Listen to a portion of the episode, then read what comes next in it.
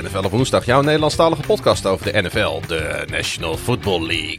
NFL op woensdag is een productie van het Gruddige podcastconglomeraat KVM Media.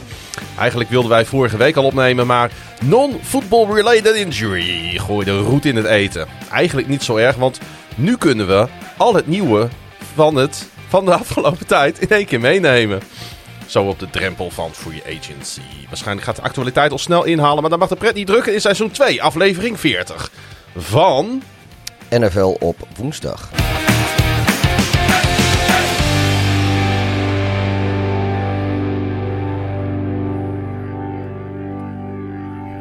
Want eigenlijk zag de agenda uh, er heel anders uit. We zouden volgens mij uit mijn hoofd vorige week vrijdag opnemen.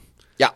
En jij was een beetje een, uh, ja, een game time decision. Ja, en dat uh, heb ik niet, niet gered. Want, Tenminste, ik, ja, ik heb, mij, uh, ik heb mij afgemeld een uurtje of zo voordat we zouden beginnen. Of twee uur voordat we zouden beginnen. Ja. Nou ja, ik weet niet of het zo kort dag was. Maar Ja. wel, uh, wel in de, na, de, na de aankondigingstweet van, van, van de vrijdagochtend in elk geval. En ik had geen zin in de monoloog. Lijkt me ook niet uh, fijn voor de luisteraars. Dus uh, we hebben Ik zou luisteren. besloten om toch te gaan, uh, hoe noem je dat, verplaatsen. En here we are. Ja. Vond je al wat beter? Ja, ik wilde eigenlijk ook een fles champagne meenemen. Want ja, 40 afleveringen. Dat is toch... uh, was heel stiekem was dat onze doelstelling om voordat het nieuwe leaguejaar zou beginnen om tot 40 afleveringen te komen. Ja. Dat is dan toch wel leuk en dat is uh, bij deze ook nog gelukt. Uh, nou ja, dan kunnen we ook wel stoppen. Ik kwam jou natuurlijk afgelopen zaterdagavond al tegen in de Euroborg.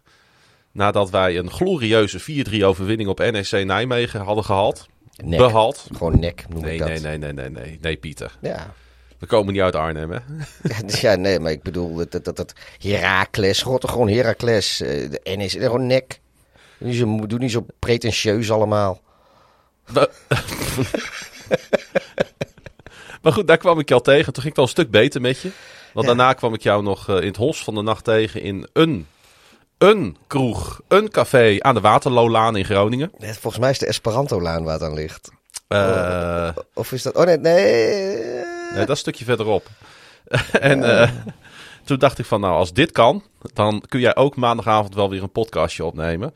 Want er is nogal wat Ho gebeurd. even, ik heb vrijdag ook al voorgesteld dat we dat best even op de, op de maandag konden doen. Ho even. Ho even. Ja, dat klopt, dat klopt. Dus dat... Uh... Maar uh, toen ik jou in uh, kennelijke toestand uh, tegenkwam, toen dacht ik, nou, als, als, als jij dit aan kan, dan kan je ook wel weer twee uur met mij op het zolderkamertje van KVM Media zitten. Ja, ik zag trouwens dat, dat ja, we zitten niet alleen samen op de, op de zolderkamer. Jij wilde ook onder mij op de, op de blinde pool, zag ik. Ik heb de blinde pool de vorige keer gewonnen. Ja, dat klopt, ja. Ik wilde dat geld incasseren om er rondjes van te kopen. Maar dat, dat heeft die, die, die, die uitbater van die kroeg weer niet, uh, niet goed gevonden. Toen zat ik nog in, in Polen, want dat heb ik tussendoor nog even gedaan. Ik zat ergens op 2,5 uur rijden van de Oekraïense grens. Mm -hmm. Ook wel apart om daar te zitten, moet ik zeggen, in deze aparte tijden. Maar uh, het was eigenlijk ook wel weer een heel leuk tripje en uh, bijzondere ontmoetingen gehad. Ook met Oekraïense vluchtelingen. Dus ja, ik kan nou niet zeggen dat off-season voor mij tot nu toe saai is. Nee, er gebeurt weer van alles. Uh, en, en ja, kijk, nu in, nu in de NFL ook, maar in de wereld sowieso sinds, sinds het NFL-seizoen voorbij is. Ja, hey, um, we hadden al iets op Twitter aangekondigd over een, een borreltje. Nou, laten we dat ook nog even een uitzending noemen. Mochten mensen nou zin hebben om komende zaterdag, dus komend weekend al, ja, komende zaterdag, dat is 19 maart, onder het genot van het een en ander, over, nou, een beetje over de NFL te lullen en, en zo. En gewoon een, een leuk off-season samen zijn, want er gebeurt heel veel deze week. Dan, uh, dan gaan we borrelen in proeflokaal Hooghout. Was, Ja. niet, was ook niet een idee van ons. Nee, dat komt uit, de komt uit de achterban. ja, die uh, waren een paar jongens uit Groningen die zeiden van... Nou, we zouden het wat leuk vinden om elkaar eens uh, te ontmoeten. En eh, laten we dat dan in dat uh, beproefde proeflokaal Hooghout, gedempte Zuiderdiep 61 te Groningen doen. Dus heb je daar zin in, kom komende zaterdagavond gezellig uh, met de trein naar Groningen. Of als je in Groningen woont, fiets lekker naar het gedempte Zuiderdiep en nou, gaan we gewoon even een biertje doen. Ja, ik zag alweer de nodige commentaren dat, dat Groningen toch weer ver weg was. Ja. Maar ja, wij houden vooralsnog, hebben we onze dingen een beetje in de periferie van Nederland. We hebben Tilburg al gehad en nu in Groningen, maar... Ja, ik weet niet of de Randstad wel aan de beurt komt. Die hebben al, daar is al genoeg te doen. Nou, we gaan vast wel weer een keer, daar een keer wat leuks doen, maar uh, uh, we maken het onszelf makkelijk. Wij hebben het ook druk. Ja, dit, we deze, keer, deze keer hebben wij een thuiswedstrijd. hey, er is, uh, er is nogal wat, wat nieuws te bespreken. wat we eigenlijk natuurlijk vorige week al hadden willen doen. Ik stel voor dat, dat we dat ook maar gewoon gaan doen. Oh, dat was een beetje hard. Iedereen schikt zich helemaal de tyfus Het is voor ons ook off-season, dat merk je wel, hè? hey, uh, ik wou graag beginnen met, uh, ja, ik denk toch wel. er was heel veel nieuws.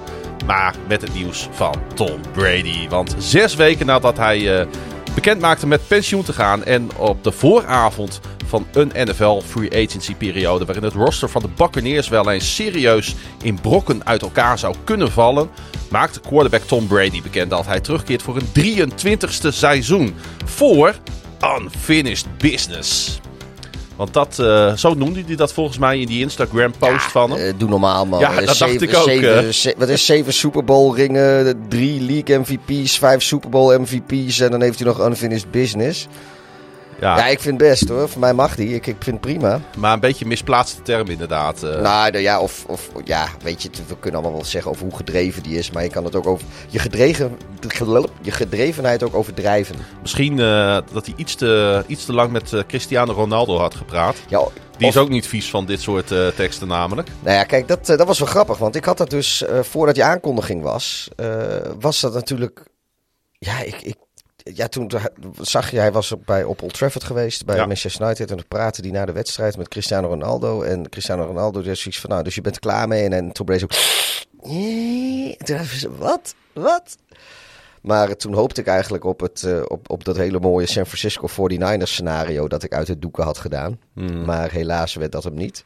Ja, tenzij de San Francisco 49ers nu opeens uh, hun volledige draft capital voor de komende twee jaren op tafel leggen ja, in Tampa. Ik, ja, dat wordt wel lastig, want het, het, heeft natuurlijk heel veel goede, goede gevolgen voor het, uh, voor het, voor, uh, voor het Tampa dit. En dat, dat, dat gaat mm. meteen alweer teniet als hij daar weggaat. Want zo had bijvoorbeeld... Uh, uh, Leonard Fournette, die heeft een afscheidspost op Instagram staan. Die is alweer verwijderd ondertussen, om, om maar wat te noemen. Dus als heel veel van die spelers, die, uh, die, die, die, ja, die zitten nu even te, te bekijken wat ze gaan doen. Omdat ze best nog wel een jaar met Tom Brady willen waarschijnlijk. En als, als die daar dan weg zou gaan, dan... Nou, daarom zei ik ook heel bewust dat zo. Want het leek er natuurlijk op dat inderdaad dat roster van de Buccaneers... Ja, dat dat één grote zandbak zou worden. Dat dat helemaal uit elkaar zou vallen.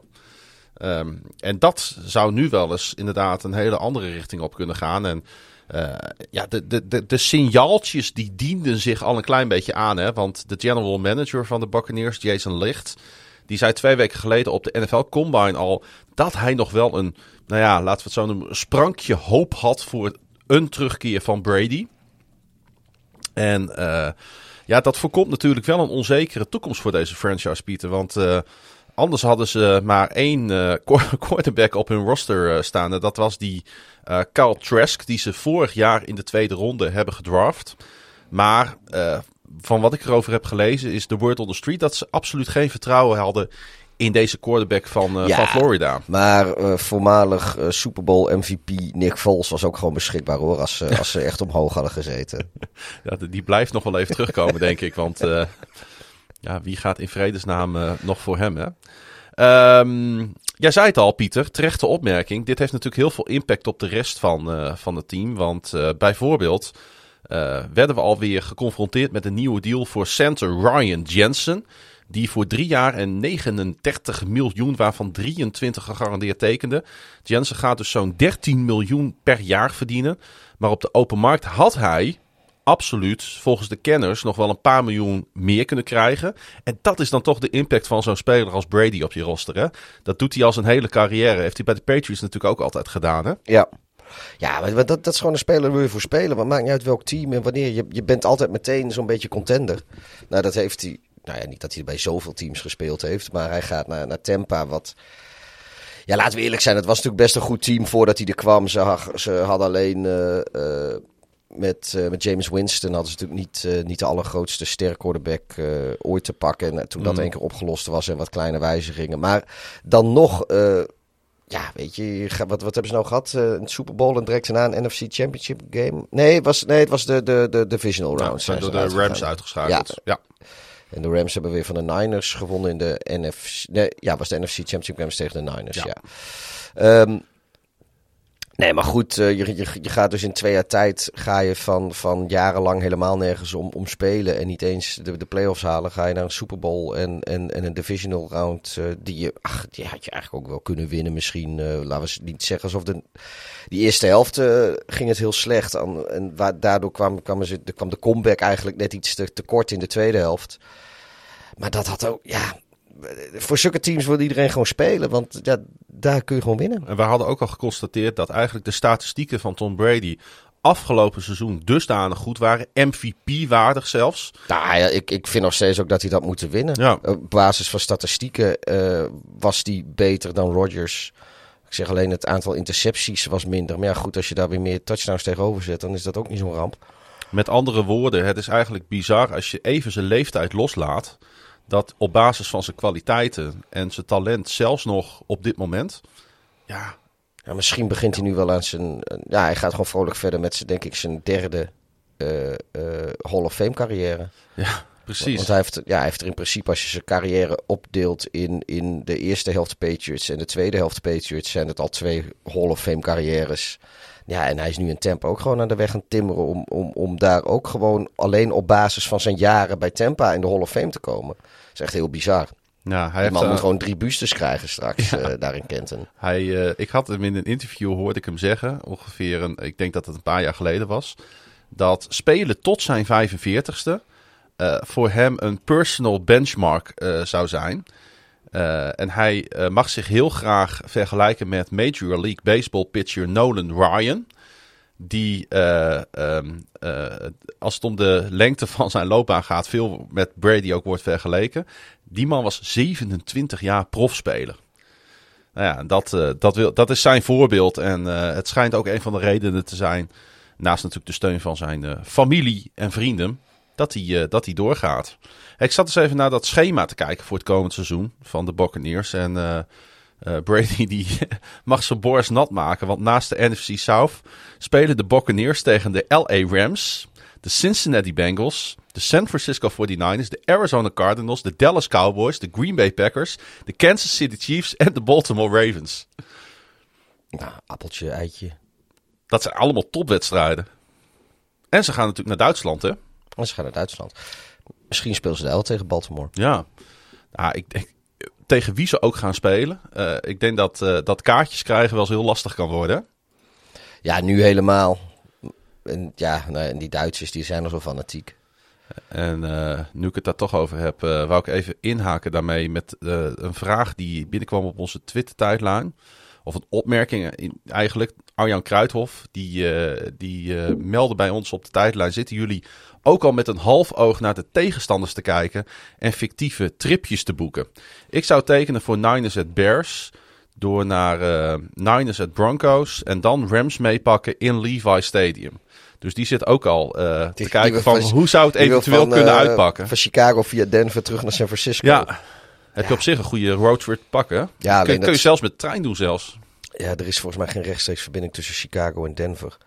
Met de trein, weet ik ook niet zeker. Maar dat is, dat is ook met de, dat is roadtrip. Dat is echt wel een, een, een... Ik zou dat gewoon met vliegtuigen doen. Dat is wel een heel guur stuk namelijk. Want het is echt alleen maar die Dat prairie. is heel veel prairie, hè? is Totdat je natuurlijk bij die Denver Mountains daar komt. Ja, nee, maar eh, eh, door van, eh, van Denver naar San Francisco met de auto lijkt me schitterend. Maar, maar van Chicago naar Denver, dat, ja, dat, je bent een paar dagen aan het rijden. Dat, doe, je Mhm. niet, dat doe je niet in één stint. En er is niet zo, niet zo verschrikkelijk veel te zien eigenlijk en mee te maken. Maar goed, de, de, qua steden, zeg maar, qua stedentrip, Chicago, Denver, San Francisco. Ja, ik, ik, ik, ik hoop het ook voor hem dat, dat hem dat lukt, want het lijkt me een prima, prima tripje. Het is altijd even afwachten natuurlijk hoe dat uitpakt. meestal wat je wil, dat gebeurt niet. Dus dan beland je toch gewoon weer in Detroit op Thanksgiving bij Bears at Lions. Ja, nou ja, dat, ik vind dat helemaal...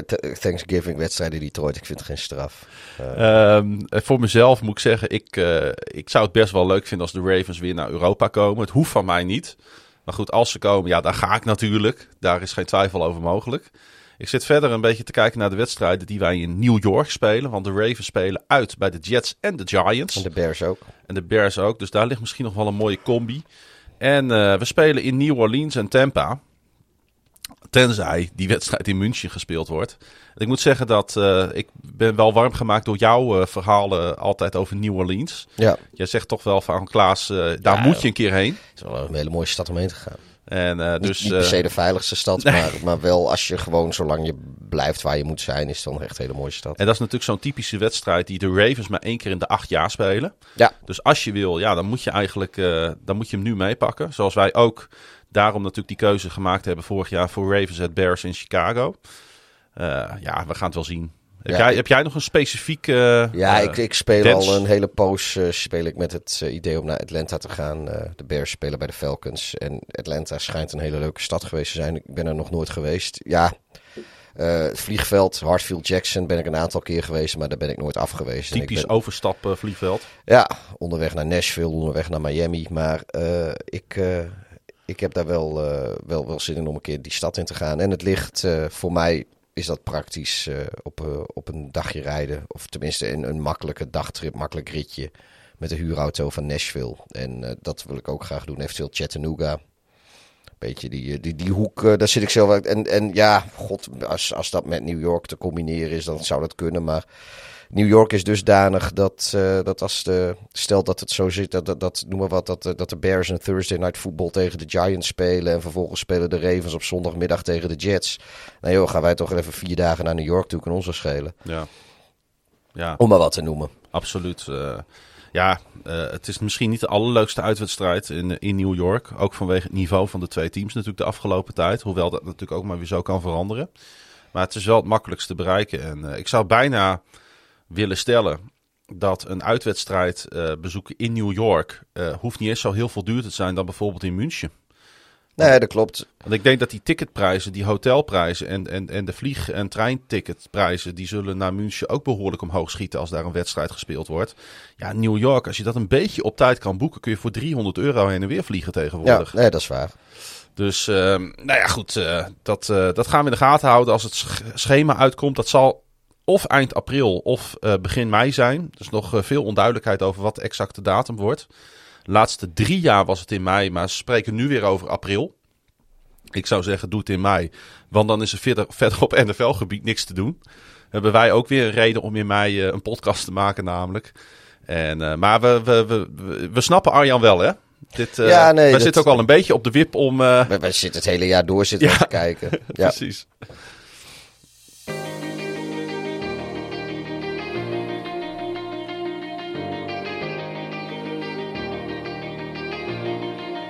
Arjan die eh, had het erover dat hij misschien wel naar Denver wil. Nou, er was nog iemand die naar Denver wilde, want eh, de Seahawks en de Broncos die hebben een deal gesloten waarbij quarterback Russell Wilson naar Denver vertrekt. De Broncos zullen Drew Lock, tight end Noah Fant, defensive lineman Shelby Harris en vijf draft picks, twee eerste, twee tweede en één vijfde ronde naar de Seahawks sturen. Seattle stuurt overigens ook nog een vierde ronde pick naar Denver om het verhaal helemaal compleet te maken. Ja, eh, Pieter, de 33-jarige Wilson. Vorig jaar, eh vorig offseason natuurlijk ook al onderwerp van gesprek. Maar toen bleef, eh, bleef hij in Seattle. Tien jaar lang speelde hij voor de Seahawks. Speelde in twee Super Bowls, won er één. En hij gaat het nu in Denver proberen. We hadden het al een beetje zien aankomen. Ja, weet je, kijk, Denver die zat natuurlijk sowieso, die zaten enorm te shoppen in de high-end quarterback-markt, om het zo maar te zeggen. Die, eh, die wilde Aaron Rodgers natuurlijk heel graag hebben. Nou, dat is niet gelukt. het zal mij niet verbazen als ze stiekem ook aan de, aan, nog even hebben gekeken bij, bij Tom Brady. Of, die, of zijn pensioen allemaal wel zo echt was als dat, als dat het was. Of dat hij misschien anders had, misschien daar nog wel even wat willen spelen. Geen idee. Maar het zou, het zou me niet verbazen. Ja, en dan Russell Wilson, die, uh, dat is dan op zich ook wel een prima optie. Weet je, is toch ook vijf jaar jonger nog dan, dan Aaron Rodgers. Dus in theorie kun je er ook nog wat langer, zou er wat ja. mee moeten kunnen. Um, ja, en, en kijk, het is, het is een hele lastige divisie. Maar als je, als je dat even buiten beschouwing neemt en de, en de Denver Broncos in een vacuüm bekijkt. Ja, dan is dat, is dat team is in één keer uh, drie treden gestegen op de, op de ladder van, van, van waar teams kunnen zitten. Van, van, het is van, van matig is het gewoon naar, naar heel goed gegaan. Ja, en we hoeven natuurlijk het over de kwaliteiten van Wilson eigenlijk niet te hebben. Hè. Daar nee, is denk dat, ik iedere luisteraar Wilson, ja. het wel over eens. Afgelopen seizoen werden de Seahawks laatste in de NFC West met een uh, 17 uh, record. Maar in de eerste negen seizoenen bij Seattle zette Wilson iedere keer een winning record neer. En ook wel grappig. Uh, ja, toch tien jaar lang. Hè, Wilson is slechts één van drie actieve starting quarterbacks die uh, uh, tien jaar lang voor zijn team heeft gespeeld en vorig jaar starter was. Nou is de huiskamervraag natuurlijk wie zijn de andere twee quarterbacks die tien jaar lang voor hun team speelden en vorig jaar daar starter waren. Nou, die ene is niet zo moeilijk, dat is natuurlijk Aaron Rodgers. Die tweede is Matt Ryan van de Atlanta Falcons, die daar natuurlijk ook nog steeds uh, zitten. Ja. Waar ze maar niet uh, van afkomen. Ja, kijk, en, en, en eigenlijk, uh, omdat het technisch gezien uh, de veertiende is en nog niet de zestiende, mm -hmm. zou je Ben Roethlisberger nog kunnen noemen. ja. Ja, ja, ja, is hij, ja die, is hij nog actief officieel vandaag? Nou, ten eerste weet ik niet of zijn retirement papers zijn ingeleverd. Maar ten tweede begint uh, volgens mij het nieuwe leaguejaar uh, ja, woensdag. de, de 16e. Dus, uh, dus hij, we zitten nu nog in het leakjaar waarin Roethlisberger de starter was. Maar misschien luisteren mensen wel de podcast op het moment dat het niet meer zo is. Daarom noem ik ook expliciet die data. Ja. Maar... Uh, uh, hey, hij ja. gaat dus naar de Broncos. Een team dat uh, zes op één volgende seizoenen de playoffs niet heeft gehaald. Uh, Denver ontsloeg dan ook coach Vic Fangio na het seizoen. Verving hem door voormalig Packers offensive coordinator Nathaniel Hackett. Ja, lekker is dat ook. Hè? Dan, dan, dan, dan, dan ontslaan ze Fangio omdat hij dan met absolute trash uh, ja. quarterback zit te spelen. En het bij Vlagen nog wel leuk deed. Hoewel, kijk, Fangio vind ik niet per se een hoofdcoach. Dat was dus, maar, maar goed. Uh, ik laat ik zo zeggen, met, met Fangio en Wilson. Of met Wilson had Fangio de playoffs waarschijnlijk ook wel. Uh, weet je, dat, dat, ja. daar gaat het recht wel beter aan toe. Precies. Heb jij ook begrepen dat uh, de Washington Commanders ook een trade-off voor Wilson op tafel hebben gelegd? Ja, maar volgens mij uh, had Wilson er niet zoveel zin in. Die, die nou, natuurlijk nog wel zijn eigen toekomst dat, bepalen. En het waren ook vooral de Seahawks die, heb ik begrepen, Wilson gewoon niet terug wouden zien in de NFC. En als je dan toch soort van voor het zeggen hebt, ja, dan snap ik dat eigenlijk ook wel weer. Ja. Want waarom zou je die NFC playoff sterker maken dan nodig is? Ja, nee, dat, dat is natuurlijk ook zo. Dat, dat, dat is altijd ideaal als je een, een, een speler naar een andere conference uh, uh, kan traden. Ja, hey, uh, voordat we nog even naar de situatie gaan kijken in Denver en wat het hun nou oplevert. Het heeft natuurlijk ook grote gevolgen voor de Seahawks als organisatie, als team. Uh, wat, wat denk jij? Uh, gaan ze het nu met, met die Drew Lock, die dus uh, de andere kant op gaat proberen? Of gaan de Seattle Seahawks zich uh, nog wel even roeren op de quarterbackmarkt? Nou ja, misschien dat die wel achter de Sean Watson aangaan nu. Die, ze worden wel nadrukkelijk met hem in verband gebracht nu. Ja. En, Ik ben er wel bang voor dat op het moment dat mensen dit gaan luisteren, dat Watson alweer ergens geland is.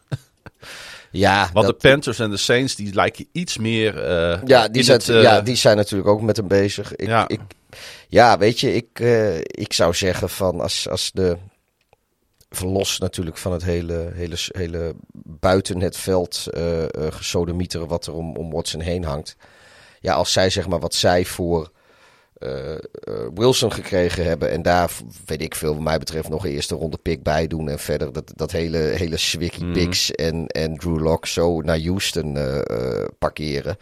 Ja, dan zijn de Seahawks wat mij betreft spekkoper. Ja. Um, en dan kunnen ze zelfs een uh, Noah Vent uh, er ook wel weer bij doen. Ja, er gewoon precies alles wat zij alles voor Wilson zij, hebben gekregen. Ja, nog, nog, misschien nog, nog, een, een, een, nog een eerste ronde pick erbij eventueel. Want ik geloof dat dat is wel wat Houston wil. En anders Ja, match je die andere... en doen ze nog toch niet zo moeilijk over in Seattle? Nee, maar dan, dan heb je natuurlijk... eh, want want hoe, eh, hoe oud is eh, Watson? Die is... eh, Dus die is 27, 27, hè? 28, 27, 28. 27 Dus je, je, gaat, eh, je gaat een jaar of zes verjongen op de quarterback-positie. Met, eh, met, met ja, een, Hmm. een jonge mobiele quarterback eigenlijk. Dus dan, dan, dan kun je gewoon rustig doorpielen. maar goed, Maar goed, als je fan bent van ehm, de Seattle Seahawks en het vooruitzicht heb je dat Drew Lock komend seizoen je quarterback is, denk dat je daar als season ticket holder niet zo eh, vrolijk van wordt. Nee, nou ja, goed. Kijk, ik, ik was natuurlijk afgelopen winter. En toen was het gewoon nog wel Wilson en, en Nick Foles. En daar liep het stadion nog niet voor vol. Het zal niks met weer te maken gehad hebben. Maar, eh, en, en, en, Dat is niet helemaal eerlijk, hè? de, maar ik kan Want ze niet- staan echt wel bekend om hun trouwe publiek. eh. Ja, ja, ja. Nee, maar ja. eh, weet je, het, het, als je dan kijkt naar de geschiedenis van de Seattle Seahawks, dan was natuurlijk Wilson ook meer een, de uitzondering op de regel. En eh, Mm. Drew Lock is, past eigenlijk wel weer een beetje in het rijtje van quarterbacks wat ze, wat ze daar gewend zijn. En ach, dit, dit jaar schijnt die, die, die draftklasse voor quarterbacks niet, niet extreem indrukwekkend te zijn. Voor wat het waard is, moet ik er altijd bij zeggen. Eh, dus wie weet. eh, ze, hebben ook, ze hebben ook geen. Oh ja, ze hebben nu wel weer eh, picks natuurlijk. Er gaat, nou ja, er gaat wat dat betreft wel wat gebeuren natuurlijk. Ik wil nog even heel kort stilstaan bij Fent. Want Noah Fent is niet zomaar een speler natuurlijk die, die van Denver naar Seattle gaat. In eh, 2021 ving hij een career high 68 passes voor 670 yards en 4 touchdowns. Een 24 jaar tight end. Begon ook in 2019 aan zijn NFL-carrière als Denver's first round pick was hij toen. Hij verzamelde in drie seizoenen ehm, 170 receptions. En Harris, die dus ook eh, naar Seattle gaat, 30 jaar inmiddels, even na de vorig seizoen, zijn career high met 6 sacks. Dus het zijn niet de eerste, de twee eerste beste spelers die, eh, die Denver verlaten. Het is niet zo dat, eh, dat dit een beetje een soort van bijvangst is, hè? Nee, het zijn, wel, het zijn wel spelers die wat waard zijn. Ja. Waar je wat aan hebt. Maar ja, aan de andere kant. de- ik denk dat Denver, die, die zou ze misschien nog eerder missen dan dat, eh, dan dat Seattle, als ze geen andere quarterback halen, er echt wat aan heeft. Ja. Want, Ja, dat is waar. Maar goed, het is het denk ik toch allemaal uiteindelijk wel waard. Want wij hebben ook, hoe vaak hebben wij nou in ieder geval niet geroepen dat Denver één goede quarterback verwijterd is van een goed team zijn. ja nee, en nou doen ze het. Ja, ja, dan moeten we hier eigenlijk ook niet moeilijk over doen, hè? nee, dat is waar. hey, wat betekent dit voor Pete Carroll? Want eh, wij hadden eigenlijk allebei verwacht dat Pete Carroll al eh, ergens of zelf zijn pensioen aangekondigd zou hebben, of door de Seahawks Nou ja, met, die, met, eh, met, met, met een vriendelijke hand naar de uitgang zou zijn begeleid. Maar hij- die, eh, die gaat gewoon een, een rebuild in. Ja, hij mocht, oudste eh, hij in de mocht dus, eh, dus blijven. En dat is misschien ook wel de reden, of een van de redenen dat, dat Wilson vertrok. Hmm. Ja, we hebben volgens mij hebben we zelf op een gegeven moment een keertje gezegd van misschien is het wel beter om. ik zou eerder met Wilson doorgaan dan met Pete Carroll Ja, in, in Seattle. Nou ja, dat is dus niet gebeurd. Het is Pete Carroll geworden. Ik heb geen idee. Weet je, hij was ooit was natuurlijk verschrikkelijk goed. En ik heb ook heel veel respect voor hem. Maar ik moet het nog zien eh, eh, of Hij- hij de juiste man is voor een rebuild. Hij, hij vindt zelf van wel. Hij heeft er volgens mij ook al zoiets in, in ja, zo, zoveel woorden aangegeven dat hij daar heel veel zin in heeft. ja. Maar als zij de Sean Watson niet binnenhalen, en dat denk ik op dit moment niet. Nou, nee, ik zie hem namelijk eerder uit. naar een Ja. van die andere twee teams gaan die we benoemd hebben. Eh, wat zijn dan nog de opties voor, voor Pete Carroll? Waar, waar zou die iets mee kunnen? Want, Nou ja, jaartje overleven en dan, eh, en dan zelf een quarterback draften natuurlijk. ja, want dat, dat, dat zeg jij nou wel, maar eh, die Snyder, eh, die heeft toch heel duidelijk gezegd, wat er ook gebeurt, de Seattle Seahawks gaan ieder jaar meedoen om de hoofdprijs. Het is geen team Nou ja, ze kunnen... om, om een jaartje eh, Nou, te gaan ze. overleven. nou ja, misschien gaan. Ik weet niet welke, welke exact uit mijn hoofd welke picks ze hebben gekregen van Denver. Maar er zit sowieso volgens mij een eerste ronde pick voor dit jaar in. Ja, ze gaan Die hadden ze niet. eh, ze gaan natuurlijk in de, in, nu in de top 10 kiezen. En ja, misschien komt wel die. God, weet je, dat is wel zo. Kijk, Wilson was natuurlijk een quarterback in de derde ronde werd hij gedraft. Want eh, ja, ze vonden hem een beetje klein. Mhm. En uh, nu zit daar die... Uh, Kenny, Kenny Pickett. Ja, met zijn kleine handjes. Die trouwens veelvuldig aan Washington wordt gelinkt. Ja, maar uh, die, die misschien dat, dat, weet je, dat ze, dat ze... Of misschien gaan ze wel weer in de latere, een van de latere ronden gewoon een quarterback op pikken. Misschien hebben ze wel... Misschien is dat ook wel een van de redenen voor die trade. Dat ze, dat ze daar in, in Seattle iets gezien hebben al... Waar, uh, waar ze denken dat andere teams uh, nog niet echt uh, de vinger op hebben weten te mm. leggen. En ja, weet je, we kunnen eindeloos speculeren. Um, Zou Jimmy Garoppolo niks zijn voor de Seattle Seahawks? Nee, ik denk niet dat dat een quarterback is die, die heel erg past bij wat, wat ze in Seattle willen en gewend zijn. Nee, ik denk het in eerste instantie ook niet. Maar hij kent natuurlijk de divisie. Ze gaan twee keer natuurlijk sowieso tegen de 49ers spelen.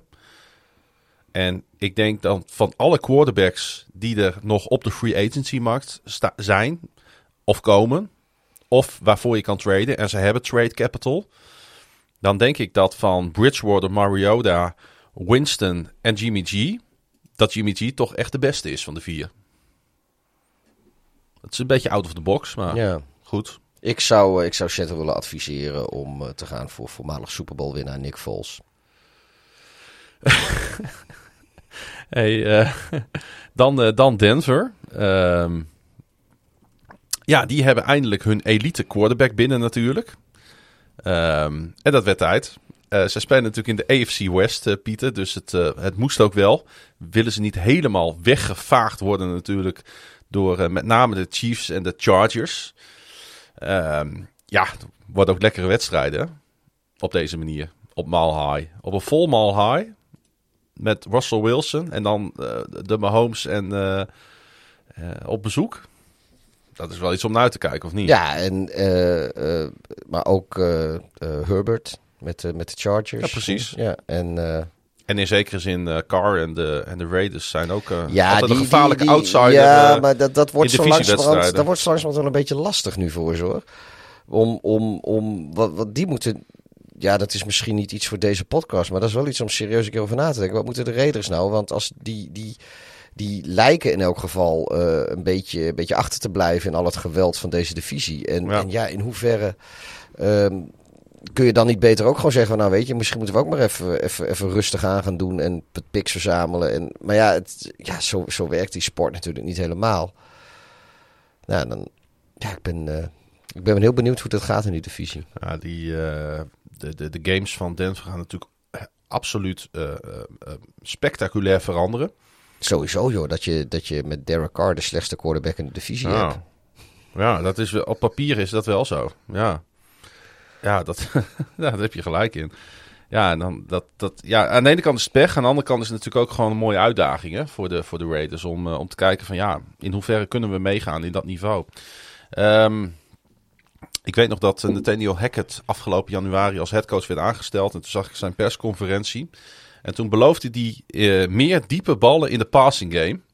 Nou ja, met de komst van Wilson uh, als, als quarterback kan hij in principe natuurlijk aan die belofte voldoen. 18,5% van de passes van Wilson gingen voor uh, eh, 20 yards of meer vanaf de line of scrimmage. ja, het, het, hoe, hoe zouden de, de, de passcatchers van Denver gereageerd hebben op dit nieuws? Ik denk dat die, uh, dat die ook een flesje wijn hebben opengetrokken. Ja, of een, uh, of een uh, blikje Tallboy uh, Miller Light. Ja, dat, dat zou jij dan gedaan hebben. nou ja, natuurlijk, die zijn hartstikke blij. En... Jerry Judy, Cortland Sutton en Tim Patrick voor de goede orde. Ik denk dat iedereen die Denver een warm hart toedraagt blij is. En dat, maar inderdaad, de, de rest van de offense sowieso. Want ja, het was toch echt gewoon net niet. En ja, mhm. maar ik, ik vraag me ook een beetje af wat, wat dit doet voor ja, in, in Kansas City en, en bij de Chargers. Want in één keer is, uh, is er dus nog eentje. Nou ja, dat, dat, de Chargers die zijn al bezig geweest natuurlijk om... Uh, die hebben natuurlijk weer meteen uh, de, aan, de, aan de pass gewerkt. Ja.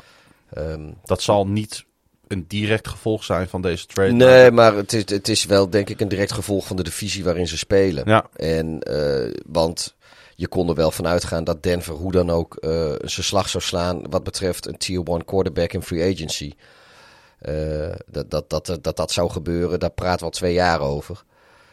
En, uh, maar dat geldt natuurlijk ook voor, voor, de, voor de Chiefs ook, weet je. Die, die, Ja, die hebben het defensief ook nog wel eens lastig tegen, tegen hele goede quarterbacks. En dat kunnen ze dan normaal kunnen ze dat een beetje ondervangen, omdat ze zelf ook heel veel punten op het bord zetten. Maar ja, dat, dat wordt nu ook uh, die hele dynamiek. Ik, ik, weet, ik, vind het, ja, ik, ik ben echt heel benieuwd naar hoe dit gaat.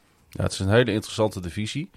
En... Dus ik denk de leukste divisie nu en de sterkste divisie in de NFL op papier. Nou, op, op dit moment wel inderdaad. Uh, we zitten natuurlijk een dag voor league year. Dus uh, er is ook nog niet zo heel veel over te zeggen hoe het er in september voor staat in de rest van de NFL.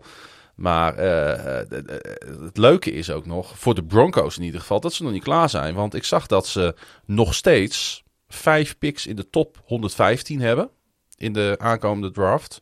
Wel komt de eerste pas op 64. Dus die Peyton, die general manager daar, die zal toch echt zijn best moeten gaan doen op dag 2 en 3. Om, uh, ja, om dit team nog sterker te maken. Want uh, ik moet eerlijk zeggen, uh, er zijn wel nog wat gaten op dat, op dat roster hoor. Met ja. name op defensie. Ja, ja, en een diepte moet je ook altijd wel gebruiken. En er moet inderdaad nog wat meer diepte komen. Maar ik zat eens even te kijken en dat vind ik dan wel grappig. het is toch off-season, dus waarom, waarom zouden we dat niet doen? Ik zat een beetje te kijken naar wat hij vorig jaar heeft gedraft uh, op dag 2 en 3. Uh, en vorig jaar draftte hij twee derde rondes. Inside linebacker Baron Browning en interior offensive lineman Quinn Minards. Hele goede keuzes. Die ook deze, die we in week 1 terug gaan zien als starters. En hij heeft ook later in de draft. Heeft hij op safety met Caden Stearns en Cooper op outside linebacker. die allebei eindigde bij de meest productieve rookies op hun respectievelijke draftslots, heeft hij ook hele goede uh, spelers gedraft. Dus als dit de toekomst van de Broncos is en als dit soort successen worden behaald, ja, dan kunnen we de Broncos absoluut als, als, als ploeg voor de komende vijf jaar denk ik gaan opschrijven. Ja, die, die... hun stempel gaan drukken in de conference. Nou ja, dat, dat alles uh, valt of staat met of ze überhaupt uh, hun, hun eigen divisie uit gaan komen natuurlijk. Ja, ja er gaan drie teams uh, uit de divisie kunnen gaan. Maar ja, Daarom. Dus, maar, ja, maar als, die, als die elkaar zitten te bevreten... En laten we niet doen alsof de rest van de, van de EFC of daar niks, niks fatsoenlijks rondloopt. Mm. Dus dat... ja, ik, ik, het, het is, op papier zijn ze heel goed bezig. Het is alleen, ja, het, is, het wordt wel een hele, hele vreemde divisie op deze manier. Ja. En, en, en ja, dus het blijft heel lastig voorspellen.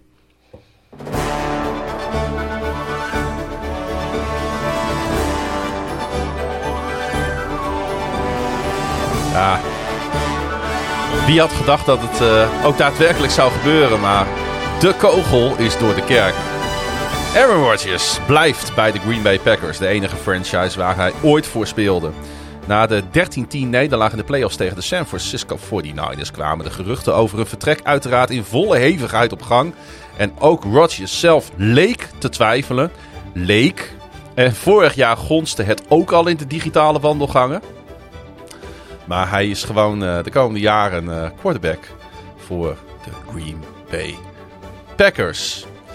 38 jaar is hij inmiddels. Hij uh, werd natuurlijk onlangs uitgeroepen tot NFL MVP. De vierde Onterecht. keer in zijn loopbaan. Onterecht. De tweede keer op rij. Uh, ja, dat, dat, daar, daar, nou ja, goed, daar kun je natuurlijk over discussiëren. Laten we het daar maar even op houden. Hij werd daarmee trouwens de eerste speler sinds Peyton Manning die de award voor de tweede keer op rij won. En slechts de vijfde speler overall naast Manning, Brett Favre, Joe Montana en Jim Brown. Nou weet je ook meteen wat de unfinished business van Tom Brady is. Uh, ja. Gaat nog twee jaar door. Gaat nog even twee jaar op rij League MVP halen. Die wil ook uh, zich graag bij dit, uh, dit rijtje voegen. Ja, en toch hè. Ondanks dat, dat misschien inderdaad wel Tom Brady die award had moeten winnen. Je kan zijn reguliere seizoen 2020 toch gerust sensationeel noemen. Met 22, 2021 daar, nou ja, daar dichtbij in de buurt. Hè? Wat hij de afgelopen twee jaar heeft laten zien. Los van de playoffs. Was natuurlijk ijzersterk. Ja, nee, er is weinig, weinig op aan te merken. Ja, en ja is er een betere deal voor de Packers dan dit? Nou, ik denk dat. Want dat is natuurlijk wel een gerechtvaardigde vraag. Ik denk dat dit. Kijk, het zal voor komend, komend seizoen zal het wat capspace vrijmaken ten opzichte van de deal die er was. Mm -hmm. Nou ja, goed, dat was ook heel hard nodig. Maar de, als je kijkt naar hoe die deal er nu uitziet, het is 153 miljoen gegarandeerd geld, waarvan dus nou ja, waar, waar, en, en de totale waarde eh, van 200 miljoen als alle incentives en dingen, weet je, als, als aan alle voorwaarden voldaan gaat worden. Mhm. Ehm, als, hij, als hij nu een lagere cap hit heeft dan, eh, eh, dan dat hij zou hebben, en hij zou een cap hit hebben van 46 miljoen, geloof ik, voor dit seizoen. Ja. Dus dat betekent dat hij, dat is het nog niet een kwart van dit, van dit contract. Ja, dus dat, dat gaat, gaat nu geloof ik nergens in de 30. Dat betekent dat dit contract, contract is hartstikke backloaded. Ehm ja, Maar, dat, dan- ehm, they're kicking the can down the road, zoals ze dat zeggen. Want dan, eh, weet je, na twee jaar zal dit contract eh, eh, voor de Packers in één keer niet meer voordelig zijn. Dan is Rodgers is 40. En ja, wat doet hij dan nog? Weet je? Dus, dus het is voor nu, voor, voor, voor dit jaar, is het voor de, voor de team een betere deal. Maar ik moet sowieso nog maar afvragen of, of ze genoeg cap space hebben om, eh om zover te komen als ze willen komen. Want ze hadden natuurlijk vorig jaar ook maar één echte goede receiver. Want eh, Ja, ze moeten nogal hun best doen ook om, eh, om, om voor woensdagmiddag, voor het weer die 16 maart, natuurlijk op die nullijn te komen. Ja, Daar moeten ze, ondanks dit, ge, dit, dit gedoe, natuurlijk Ja, ook nog keihard ja, voor, ja, eh, ze- voor aan de slag. ze hebben alleen van die Smiddies hebben ze moeten, moeten, eh, moeten wegsturen. Ja. Ehm, maar het is vooral, vooral eh, du- dus ja, het is, het is voor, voor het komende seizoen is, is, het, is het nog steeds aanmartelen. Maar, Maar even is het- sportief, is- eh, Pieter. Is, is er sportief, was er een betere optie voor de Packers dan dit? Om op korte termijn succes te behalen met de Packers. Nee, niet zonder een hele shitload aan picks. Nee. eh. ja, of je had, je had Dus ze eh, zaten eigenlijk ook wel een beetje in de spagaat. Voor Ja, of, of je had echt één op één moeten ruilen, bijvoorbeeld. eh, noem maar wat, met, met de Seahawks. straight up Rodgers voor, voor Wilson. En dan nog her en der wat, wat picks of, of spelers Hmm. erbij om het evenwichtiger te maken. Te compenseren voor leeftijd, whatever. Weet je, zoiets had gekund. Of met, eh, met, met Tampa voor Brady, weet ik veel. Weet je, dat, als je dat soort dingen doet, dan, dan kun je een beetje doorrollen. Maar eh, nee, de, de- dit is het enige wat, wat Green Bay kan. Juist. Die, dat, eh, die hadden niet zoveel keus. Eigenlijk lag de bal ook volledig bij Aaron Rodgers. Hè? ja. Dan kon die volgens mij ook wel vragen wat hij wilde. Nou ja, dat, dat is ook. Ik bedoel, hij heeft, eh, wat ik zei net, 153 miljoen dollar gegarandeerd geld. Dat is de helft van wat hij tot nu... Of nee, dat is net zoveel Ja. als dat hij tot nu toe in zijn hele carrière aan gegarandeerd geld heeft binnengepakt. Want met zijn rookiecontract en eh, eh, toen waren er volgens mij nog goede rookiecontracten. En daarna verlenging in 2008, 2013 en 2018 heeft hij 156 miljoen dollar eh aan gegarandeerd Dus hij gaat de komende jaren gaat hij in één klap gaat hij zijn bankrekening verdubbelen. Ja, nou ja, het is wel 3 miljoen minder dan. eh. Ja. nee, maar goed, ja, 156 tegen 153. Dus, dus deze vier jaar is inderdaad net zoveel waard als. eh, ja, wat is het? De, de, de, hoe lang speelt hij nu zo'n beetje? Bijna. eh, hij zit er nu 16, 17 jaar of zoiets. 16 jaar, hoe lang? Zoiets. Ja, zoiets, ja. Nou ja, zo. eh, hij gaat nu in vier jaar net zoveel verdienen als de 16 jaar hiervoor. Tja, ongelooflijk. Jij zei het al, het heeft natuurlijk wel consequenties voor andere spelers. Eh, en toch wisten ze ehm, Preston Smith eh, te behouden voor de Green Bay Packers, de linebacker. In 2015 trouwens een tweede ronde draftpick van de toenmalige Washington Redskins. Die heeft een meerjarige deal te pakken. En de Packers creëerden daarmee natuurlijk het hoog, de hoognodige salary cap ruimte. Ondertussen namen de Packers wel afscheid van Zedarius Smith. Ehm, ik denk, ja, ik durf wel te zeggen, een van de betere pass rushers in de league misschien wel. Eh, die tekent op hetzelfde moment als Preston Smith in 2019 bij Green Bay. En de release van Zedarius Smith maakt bijna 16 miljoen dollar cap space vrij. Ja, dan snap je wel natuurlijk dat ze hem, eh, hem moeten laten gaan, hè? Ja, was ook eh, was wel de lijn der verwachting. Ja. Eh, Preston Smith, die had nog één jaar en 12,5 miljoen dollars eh, staan. En tekent nu voor vier jaar en 52,5 miljoen. Hij zou 20 miljoen dollar cap space innemen in de oude situatie. Dus ook hier moest wat gebeuren. Ehm, en voor deze deals zaten de Packers 46 miljoen dollar over de cap heen. Dus die zijn er nog niet. Dus de komende 48 uur worden nog heel spannend in Green Bay. Nou ja, het is, ja het, zij staat eigenlijk voor een stuk verderop in, eh, in het script bij de, bij de eh, franchise tags. Maar het, ja, het is wel heel relevant ook voor nu. Met natuurlijk Devante Adams, die, eh, Die ook een nieuw contract moet, want die... eh, Maar laten we hem er gelijk even bij pakken. ja, want die gaan ze dus... eh, of die hebben ze gefranchise tagged. Nu weet ik niet precies wat, wat de cap hit is voor de franchise tag van een, van een wide receiver. Ik weet in ieder geval dat het 20,1 miljoen is wat Adams gaat verdienen. Ik weet niet of Nou, dat, dan- is... ja, dat... dat nou ja, goed, dat, dat is... Dat, zal Dat is dan toch de hit ook, bij dat is- franchise dat- tags. Ja, dat is dan de hit. Want het is een vastgesteld bedrag. Ja. Nou ja, goed, dat zal Green Bay zal dat graag anders willen. Want die, die zullen toch echt een, met een ander contract willen komen die dit jaar en ook volgend jaar niet... eh, Maar ze niet- hebben niet dit al met een zwaar gemoed gedaan. Hè? Want het is bekend dat general manager Brian Gutekunst geen fan is van de franchise tag. Hij zei al, ik doe dat liever niet. Maar eh, ja, ze, ze zagen geen andere uitweg dan dit toch te doen, eh, Pieter. Ja, maar ze, ik, ik, ze hebben nu de, de tijd om eh, ofwel voor, nou wat is het, 15 juli of zoiets, half juli moeten ze tot een overeenkomst komen. En anders dan Ja. kan, kan Adams in ieder geval niet bij, bij trainingskamp en zo aanwezig zijn. Of bij rookie mini, of nou, bij minicamp of, of weet ik veel, OTA's en al dat soort spul. Maar ja, goed, weet je, Dat is dat, is voor hem niet zo'n ramp meer. Hij is, hij is eh, 29 en eh, hij weet heus wel hoe dat werkt. Ehm, Maar, hij dus, is, maar, maar- maar ja, ze zijn natuurlijk wel een soort van spel nu met elkaar. ja, nou, het is gewoon heel, heel simpel. Eh, eh, Green Bay zal niet willen en Adams denk ik ook niet. Die Nee. willen allebei niet dat onder de franchise tag eh, het seizoen ingaan. Dus eh, voordat het seizoen begint zullen ze toch echt een nieuw contract eh, eh, afgesproken willen hebben. En dat is voor Devante Adams is dat heel belangrijk. Omdat hij dan voor langere termijn zekerheid heeft. En ook gegarandeerd geld voorbij die 20 miljoen die je nu eventueel zou kunnen krijgen. Ehm, wat volgens mij ook afhangt van hoeveel games je speelt. Dus als je in week 1 geblesseerd raakt, is het meteen klaar. Ik weet niet hoe ver, hoe dat dan... Het is wel gegarandeerd geld, maar je moet er wel voor spelen. Ehm, ja, en, en, en voor, voor de Packers is het natuurlijk van belang om dit jaar geen 20 miljoen dollar op de cap af te hoeven schrijven op, op, op Devante Mm. Adams. Dat is misschien, die, die willen dat liever ook waarschijnlijk net als de deal van Rodgers backloaden. Dat zij, eh, eh, over, ja, weet je, dat komt er wel in 2024 of zoiets. Dan zitten ze dan weer 100 miljoen over de cap. Net als wat de Saints eigenlijk een beetje gedaan hebben steeds. Om de laatste jaren van, eh, van Drew Brees competitief te zijn. Nou ja, zoiets, zoiets doet, doet Green Bay nu. Nou Ja, dat, dat gaat ze over een paar jaar gaat ze dat eh, eh, in de kont bijten. Maar het is natuurlijk wel de, alles aangelegen om Rodgers en Adams tegelijk eh, in team-friendly jaren te hebben op hun contract. Ja, Anders, want alleen met, met alleen die twee spelers redden ze het al jaren niet. Dus waarom zou dat dit jaar anders zijn? ja dat, is, dat is waar inderdaad. Maar als, ja, precies. Aan de andere kant, eh, ik kan me ook geen Aaron Rodgers eh, op dit moment voorstellen zonder Adams. Nee, nee, precies. Ze maken elkaar ook beter. Ja, Kijk, als ze allebei spelen, ongeacht wat de rest van het roster doet, zullen ze ongetwijfeld de NFC Noord weer winnen. En dan komen ze dus automatisch de playoffs in.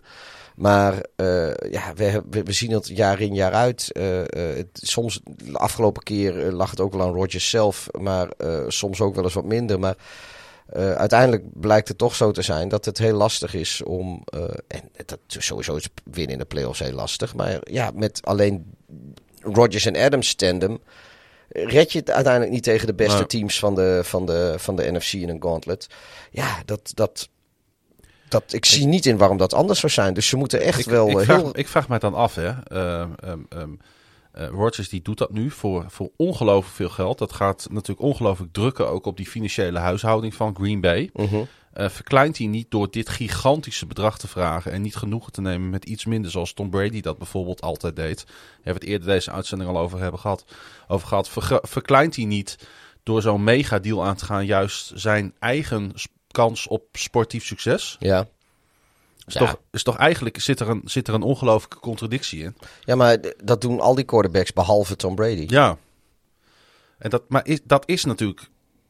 Dat maakt het, het één uniek wat Tom Brady altijd deed. Ja, weet je, ik, ik, ik, kijk, ik ga niet... Maar ik heb, eh, er, is, laat ik, zo zeggen, ik, ik, ik heb er wel een beetje moeite mee. hoor. Nou ja, moeite mee niet. Hij heeft groot gelijk. Ik bedoel, het is eh, zijn lichaam die hij op het spel zet. En eh, en ja, weet je, en als hij... Nee, dat eh, weet ik wel. Maar, uh, maar, maar dat, je hebt, dat, hoeft, ik- dat hoeft toch niet per se voor meer dan 150 Nee, miljoen nee, dollar? kijk, je hebt, je hebt in zoverre gelijk, denk ik ook echt hoor. Van, hij heeft dus al, hebben we net eh bekokstoofd, dat hij iets van 156 miljoen aan gegarandeerd geld heeft gehad. Heb ik nog niet eens over incentives. Heb ik ook nog niet over wat hij van State Farm krijgt. En van Mhm. al dat andere gemier waar hij reclame voor maakt. En eh, da- da- da- dat is er allemaal niet in meegenomen. Dus die man die heeft eh, En dat- eh, ja. sowieso wel minimaal 200 miljoen dollar heeft hij bij elkaar zitten ballen. En dan wil hij de komende vier jaar wil hij er dus 153 miljoen erbij hebben. Nou, met alle respect, maar die man die rijdt geen auto minder, heeft geen slaapkamer minder in zijn huis en die vreet er geen boterham minder om als hij het met voor 100 miljoen zou doen Nou de ja, komende vier jaar. Precies. Ik noem maar wat. En, en dan zeg jij van hij zet zijn lichaam op het spel. Daar denk ik, ben ik het mee eens. Maar de gemiddelde carrière van een lineman in de NFL duurt vier jaar. Die zetten net zo goed Ja, hun nee, lichaam dat- op het spel. Dat, dat klopt. en die worden ook wel heel goed betaald. Daar gaat het niet om. Maar ook niet 153 miljoen. Nee, en, en nou ja, goed. eh, ja, we kunnen ervan van zeggen wat we. Kijk, ik, ik, ik geef hem geen ongelijk. Maar ik, ja, je zou inderdaad wel kunnen zeggen van, joh, weet je, je hebt nu, eh, eh, want dat heeft wel zo, ieder contract heeft hij steeds het onderste uit de kan gehaald. En dat doet hij nu eigenlijk weer. En nogmaals, dat is een goed recht. En eh, nou ja, het is voor eh, geen enkele luisteraar een geheim dat, dat het sowieso niet mijn, mijn favoriete speler in de NFL is. Dus het is voor mij ook heel makkelijk om nu te, nu te bekritiseren. Nou ja, Maar eh, het, het, is, het is inderdaad wel zo dat, dat, dat, dat hij, omdat hij steeds het onderste uit de kan wil halen. En dat nu dus voor zijn vierde contractverlenging. Ja, rookie deal en heeft hij 2000. Ja, Ja, ja. dit is zijn vierde. Ehm, weer het. Ja, je kan ook dan zeggen na zoveel keer van joh, inderdaad, ik doe een beetje team friendly. Dan was je er nu met, met Adams bij wijze van spreken al uit geweest. Hadden ze zi- zich misschien nog in free agency kunnen voegen precies. om, om een andere wide receiver erbij te halen. en Had je die nog misschien zelfs zo'n Darius Smith kunnen behouden voor je team? Ja, had, had ook gekund. Want, maar want, want eh, je kan wel eh, een goed aanvalstandem hebben. Maar als die verdediging nu, als daar geen geld meer voor is, dan is dat ook een probleem voor Aaron Rodgers. Dan is dat ook een probleem voor de Packers. ja, Want zo- zonder goede pass rush worden, en dat hebben we al gezien natuurlijk in die wedstrijd tegen de 49ers, dan gaan de Packers het tegen iedereen moeilijk krijgen in de NFL. ja, maar de, nou, kijk, de, de, de, de, de pass rusher deed natuurlijk prima tegen de 49ers. Want de, de, de, de offense Nee, ik bedoel San dat- maar ik bedoel dat hij nu- punten op het, op het bord gezet. Ja, maar ik bedoel dat hij nu aan het verzwakken is. ja, zo. Omdat ik bang ben dat er straks geen centjes meer voor zijn. Ja, maar nee, ja, goed. Dat, ja, maar, dat, eh, maar ik denk dat met... eh, Dat is met wel een naar side effect natuurlijk van deze deal. Ja, nou ja, we gaan het meemaken. Nogmaals, eh, de NFC North zullen ze gewoon winnen. Laat ik het zo zeggen, ik ben Playoffs heel ze wel benieuwd, weer. heel benieuwd wat voor roster we in september, augustus, september daar gaan zien. Ja. Hey, nou we toch in die franchise tag zitten, zullen we de rest ook even heel snel doornemen? Dat was ongeveer een weekje geleden dat, eh, dat, eh, nou, dat, dat duidelijk werd waar de franchise tags zijn, eh, zijn uitgedeeld. Oh, wacht even. Nou, we moeten dan denk ik nog wel zeggen over... want dat is nog niet... we hebben wel gezegd dat het voor Adams en de Packers heel belangrijk is... Dat, dat, ze, dat, dat, dat ze eruit komen. Dat ze dat allebei graag willen. Omdat geen van beiden graag met de franchise sterk op Adams het seizoenen wil. Maar eh dan moeten we denk ik nog wel even melden... dat Adams ook daadwerkelijk heeft aangegeven dat hij het vertikt om te spelen... Ja. onder de franchise sterk. Wat dus wel weer een beetje druk eh, op de zaak houdt. Niet al te veel, want zoals gezegd, ze hebben tot 15 juli de tijd voor, eh, voor trainingskamp. En tot en met week 10 de tijd om überhaupt. Nou, wat, dat zei ik, hè. hij is gewoon nu een spelletje aan het spelen. maar eh, ja, eh, als, hij, eh, als hij niet wil tekenen, die franchise tag, dan komt hij het gewoon het hele seizoen niet in actie. En hij heeft in principe aangegeven dat hij, dat hij niet die franchise tag wil tekenen. Maar het een- trouwens is dat wel eens vaker gebeurd in de NFL. Dat spelers, dat het ook echt daadwerkelijk zover kwam. Dat spelers een hold-out deden. De enige die ik eh, mezelf zo snel voor de geest kon halen was eh, bij jou in de divisie, bij jouw vrienden van de Pittsburgh Steelers in 2018. Ik denk Bell, hè. Dat was eh, de running back Le'Veon Bell. Ja. En die, ging, eh, die heeft toen inderdaad het hele seizoen niet gespeeld. Dat heeft hem geloof ik 14,5 miljoen euro gekost. Of dollar, sorry. Ze betalen daar in dollars. En eh, toen is een jaar daarna is die, eh, kon hij naar, eh, naar New York, naar de Jets. En daar heeft hij volgens mij voor 27 miljoen een meerjarig contract getekend. Dus of het nou per saldo uh, uh, hem dat meer geld heeft opgeleverd dan dat hem gekost heeft, weet ik niet. Maar in het geval van een running back snap ik het misschien nog wel meer dan bij een wide receiver. Omdat running backs, die, uh, daar zit een bepaalde mileage op. Ja. Dus dan zou je kunnen zeggen van nou, dan, als je een jaar niet speelt, dan spaar je ook een jaar. zeg maar, kun je misschien aan het eind van je carrière ja door. Het is geen garantie. Maar uh, een holdout is voor een speler heel onvoordelig. Goed, um, alles kwijt wat we over uh, Rodgers en, uh, en, en, en, onze grote vriend Adams willen vertellen. Ik heb lang genoeg over Green Bay gepraat. Gaan we naar die andere franchise tekst. Laten we dat, nou, laten we dat even in rap tempo doen. Want er zijn drie tight ends. En dat doet ook natuurlijk wel weer wat met die tight end markt. Die al een beetje lastig is. Uh, gefranchise tagged. Te beginnen met uh, Dalton Schultz bij de Dallas Cowboys. Mike Gesicki bij de Miami Dolphins. Jouw, en, jouw grote vriend Mike Gesicki. Ja, ik, God, ik weet nog dat hij draft was en uh, dat hij op het bord stond. En uh, ik wou heel, heel graag dat de Baltimore Ravens Gesicki zouden draften. Achteraf ben ik trouwens wel blij met de andere keuzes hoor, daar gaat het niet om. En David Joku van de Cleveland Browns blijft ook voor zijn team spelen. Nou, als ze niet tot een uh, long-term deal komen, dat betekent dat deze drie uh, tight ends alle drie 10,93 miljoen dollar gaan verdienen. ze hebben inderdaad, uh, jij zei het al, tot 15 juli de tijd om die long-term deal eventueel overeen te komen. Ja, Schultz bij de, bij de Cowboys. Ik snap wel dat ze hem behouden, Pieter. Want die heeft natuurlijk een, een, ja, een heel goed seizoen achter de rug. Ja. Hele belangrijke speler voor hun. Een hele goede blocking tight end. 78 catches voor 100, uh, 808 yards, 8 touchdowns. Um, onder NFL tight ends rankt hij derde in catches, zesde in yards en vijfde in touchdowns. Het is toch wel een naam die niemand helemaal zag aankomen, maar nu toch wel zich gevestigd heeft in de, in de league, hè? Ja, en nou, dus is natuurlijk deels uh, uh, zat er ook de Oh nee, 2021 was, was natuurlijk uh, onze grote vriend uh, Dek was weer terug. Zeg maar, volgens mij heeft hij ook, was, was, ja, was hij ook vrij belangrijk in de seizoenen dat, of in het seizoen dat Dak Prescott niet, niet speelde. Zeker, ja. Draaide, ja, was hij toch een, een, een belangrijk onderdeel van, van de offense met... Nou ja, hoe heet al die quarterbacks die ze toen gehad hebben? Uh, de Nucci en uh, die was niet ja. zo Gucci. Nou, hij was, hij maar, was toen in de, in de blocking game was hij heel belangrijk. Uh, en maar hij heeft natuurlijk geprofiteerd van die blessure hè, van ja. Blake Jarwin. Die, ja. die daar op en af weer met een um, blessure op de bank lag. Ja. En ja, hij is typisch zo iemand die geprofiteerd heeft van de blessure van een ander. De situatie bij zijn team.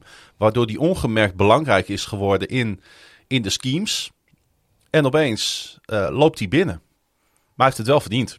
Leuke speler. En een goede franchise tag ook, denk ik, van, uh, van Dallas. Omdat gewoon tight ends niet zo heel duur zijn relatief. He, die kun je wel lekker franchise taggen voor die 10 miljoen. Ja, het klinkt alsof een emmer water leeg gooien nu, maar je snapt wel wat ik bedoel, ja, denk ik. Hè? Terwijl de franchise tag daar is eigenlijk helemaal niet voor bedoeld is. Nee, maar ik, ja, ik, misschien had ik dit ook wel gedaan.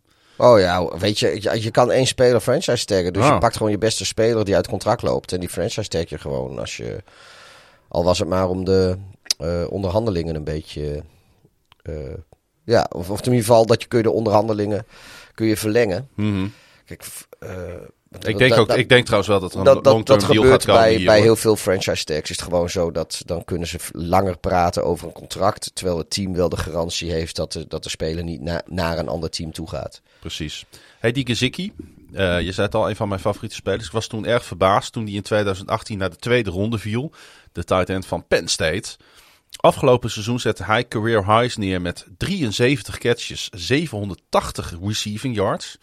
En over vier seizoenen staat hij nu op, uh, op uh, 199 catches voor 2255 yards, 13 touchdowns. Uh, ja, ik denk uh, zonder twijfel de top-rated tight end op uh, menig free agent lijstje voor dit seizoen. Ja, maar dat, dat, die, dat is dus, ja, weet je, zo'n zo veelgemaakte fout. Heel veel van dit soort spelers inderdaad, die halen die, die markt niet omdat ze dus gefranchise tagged worden. Ja. En hij, staat, hij, is absoluut, hij hoort absoluut bij de, nou ja, bij de top 5 tight ends voor mij in de league. Alleen Mark Andrews, Travis Kelce en Dalton, Dalton Schultz, we hadden het net over hem, vingen meer passes dan Kazicki. En hij, is, uh, hij was op Jalen Waddle na ook nog eens de meest gezochte passcatcher bij de Dolphins. Ja, um, ik denk een, een, een, een, speler die ze niet kunnen missen daar. Hè? Nee. Hey, uh, David Njoku bij de Cleveland Browns, ook getagd. Um, iets lager in de rankings, uh, kan ik wel zeggen. Dat is ook zo'n speler. Ik twijfel altijd heel erg of ik hem moet oppakken bij, bij fantasyvoetbal. Omdat hij, ja... Dat is wisselvallig, ja. Heel wisselvallig, inderdaad. Uh, um, vijf jaar. Ik heb altijd pech met hem Bij gehad. de Browns nu. Ja, ik, ik ook, precies. Maar goed, uh, wel gefranchise-tagged. Uh, en ik snap het wel, want die tight end markt is lastig. Dus je moet iets, zeg maar. Er is niet veel keus op dat gebied. Hey, Cincinnati Bengals, Jesse Bates, um, uh, de safety. Uh, ja, uh, absoluut een van de, van de supersterren hè, tijdens hun successeizoen. Bates intercepte de eerste paas, weet je dat nog, van Ryan Tannehill in de divisional uh, playoff game tegen de Titans. Ja, ja, dat weet jij nog wel. Het leek het een lange wedstrijd te worden. Ja. Was het uiteindelijk ook, maar niet daardoor. Uh, maar dat, hij heeft zoveel hoogtepunten heeft hij, heeft hij gehad. Uh, de free safety die tipte ook die bal die werd geïntercept door Von Bell in de overtime tegen de Chiefs in de AFC Championship game. Sterker nog, als deze Bates die bal niet getipt had, dan nou, wie weet hoe het dan anders allemaal was gelopen natuurlijk in, uh, in die wedstrijd. En dan hadden we misschien wel een hele andere Super Bowl gehad. Bates intercepte Matthew Stafford in de endzone tijdens de Super Bowl. Met nog twee seconden op de klok in de, in de eerste helft. En um, ja, het, het, is, het is wel een aparte situatie. Want ik zat er gewoon eens even over te filosoferen zo met mezelf. Dat doe ik wel eens. Um, um, ik zat me af te vragen, waarom ligt er niet al lang een deal met deze speler op, op tafel? Nou, ik denk uh, dat, dat de, ze hebben bij de Bengals volgens mij heel veel cap space over. Mm -hmm. En wat ze waarschijnlijk doen, is dat ze gewoon even gaan kijken hoe dat met, met al hun andere spelers en, en dingen gaat. Uh, dit is, ze willen Bates houden. Ze zijn een hele conservatieve ja, uh, franchise maar ik, op dit ik, gebied. Ik denk, weet je wat, wat, wat gewoon verstandig is? Als free agency straks een beetje klaar is. En uh, ze, nou, ze weten natuurlijk welke draft picks ze hebben. En hoeveel geld dat gaat kosten. Om die rookie deals allemaal te fixen. Nou, dan hou je nog wat reserves over. Omdat je in trainingskamp wat blessures krijgt. En weer andere spelers aan moet trekken. Enzovoort. Jada, jada, jada. Maar uh, ik denk over een, over een week of wat is uh, veel meer duidelijk over hoe de Bengals er financieel gewoon echt goed voor staan. En dan kunnen ze hem een frontloaded contract geven. Uh, dat, ja. dat hij alsnog zeg maar goed betaald wordt zoals hij wil. En als, als maar de gaan, Beng... ze, gaan ze dat doen? Waarom zou je dat niet doen? Nou ja, omdat het misschien is het niet ook de positie dat over het algemeen safeties uh, net even wat minder geld krijgen. Uh, want je ziet toch ook wel bij de Bengals de laatste jaren dat voor quarterback, voor defensive lineman, cornerback, daar willen ze best wel grof geld voor neerleggen. Maar safeties, dat is toch altijd een beetje nog een soort van onderbetaalde positie in de NFL. Uh, maar nu zag ik wel dat Bates dezelfde agent heeft als Jalen Ramsey. Nou, we kennen allemaal het verhaal van Ramsey natuurlijk. Die, die nou, niet met minder genoegen wou nemen hè, uh, dan, dan wat hij wou. En die kreeg uiteindelijk natuurlijk ook die deal uh, bij de Rams voor, uh, voor heel veel geld. Um, en Bates wil nu betaald worden als een van de top safeties in de league. Nou, ik vind dat hij dat qua spel wel heeft laten zien. Maar ik vraag me echt af of Cincinnati hem dat wil geven. Ja, nou, wat ik zeg, ze hebben nog, ik zit even te kijken hoor, ze hebben sowieso nog dikke 32 miljoen over. Uh-huh. Uh, al hun grote spelers zijn relatief goedkoop. Ze hebben volgens mij niet veel, veel andere grote free agents die, uh, die ze moeten resignen. Uh, nogmaals, weet je, als, als ze deze speler willen houden en hij wil goed geld hebben. als, als, als zij straks met, noem maar wat, 20 miljoen cap space over het seizoen ingaan. Of 15 miljoen cap space over het seizoen ingaan. Ja, waarom zou je dan niet uh, die jongen geven wat hij wil en uh, het, het grootste, het gewicht van dat contract in het eerste jaar leggen? Want die 15 miljoen, ja, het is niet dat je het volgend jaar kan gebruiken of zo. Je neemt het niet mee in het jaar erop. Dus. Maar uh, als je hem, noem maar wat, weet ik veel, stel dat hij... als je er echt niet uitkomt, dan geef je hem gewoon 13 miljoen van de franchise sterk. Ja, maar stel dat, nou ja, maar, maar ja, nogmaals, als, misschien wil die, weet ik veel, 25 miljoen voor twee jaar of, of 40 miljoen voor drie jaar, ik noem maar wat. Nou, als je, dan doe je dat toch. En dan ram je meteen dat eerste jaar ram je de 15 tot 20 miljoen van dat contract in. En, de, en de overige hmm. twee jaar kost die 10 miljoen per jaar. Nou, dan, dan dan heb je de, de- heel verantwoord beleid voer je dan. Nou ja, nu heb je dat geld nog voordat je natuurlijk... eh, Maar nu weet ja, je weet op dit moment weet je niet precies eh, hoe jouw eh, financiële plaatje eruit gaat zien tegen tijd dat het seizoen begint. Dus is het best wel link om nu al een frontloaded contract te geven. Eh, want dat belemmert je meteen. Dus dan is die franchise tag een hele logische keuze. Van nou, we, hebben sowieso Bates. En eh, met, met wat we over hebben straks als seizoen begint, daar kunnen we zijn contract mee frontloaden. Duidelijk. Voor het eh, tweede jaar op rij hebben de Jaguars Cam Robinson gefranchised Dat, eh, daar hangt dan weer een prijskaartje van 16,6 miljoen dollar aan. Robinson was in 2017 een tweede ronde pick en startte in vijf seizoenen 61 wedstrijden. In 2021 speelde hij in 14 wedstrijden en stond hij slechts 2 sacks en 29 pressures toe in 812 offensive snaps. Waarom hebben ze. eh, weet je, dan heb je al, heeft hij al het hele jaar lang onder de franchise tag gespeeld. Ja, Ben je er nog niet uitgekomen voor een lang jaar, voor een langjarig deal, dan ga je hem nog een keer franchise taggen. Ja. Dat is, zie je nou niet zo vaak. Nee, maar je wilt natuurlijk wel ehm, eh, eh, onze grote vriend quarterback Trevor Lawrence beschermen. Ja, dan moet je die Eh, man gewoon een fatsoenlijk contract geven. Ja, maar eh, ik, ja, het is toch altijd heel lastig. Hè? Wij kunnen natuurlijk vanuit dit zolderkamertje in Groningen natuurlijk heel lastig bepalen of het probleem bij de Jaguars ligt of dat het bij deze Robinson ligt. Die misschien ook wel eh, te veel eist. Al staan de Jaguars er niet onbekend dat ze, dat ze per se zuinig zijn met hun geld. Ze durven echt wel dollars uit te geven in, in Jacksonville. Kunnen ze ook wel met hun cap space natuurlijk. Precies. Eh, maar goed, ze hebben hem voor de tweede keer op rij gefranchised. En dat kan. En dat mag. Alleen daar hangt natuurlijk eh, nu wel een behoorlijk prijskaartje aan. Want 16,6. Ja, dat zou je eigenlijk in een contractsituatie natuurlijk eigenlijk nog, eh, nog wat beter voor elkaar kunnen, kunnen krijgen. Waarbij het iets minder cap kost en, en waarschijnlijk deze speler er ook nog wat op vooruit gaat.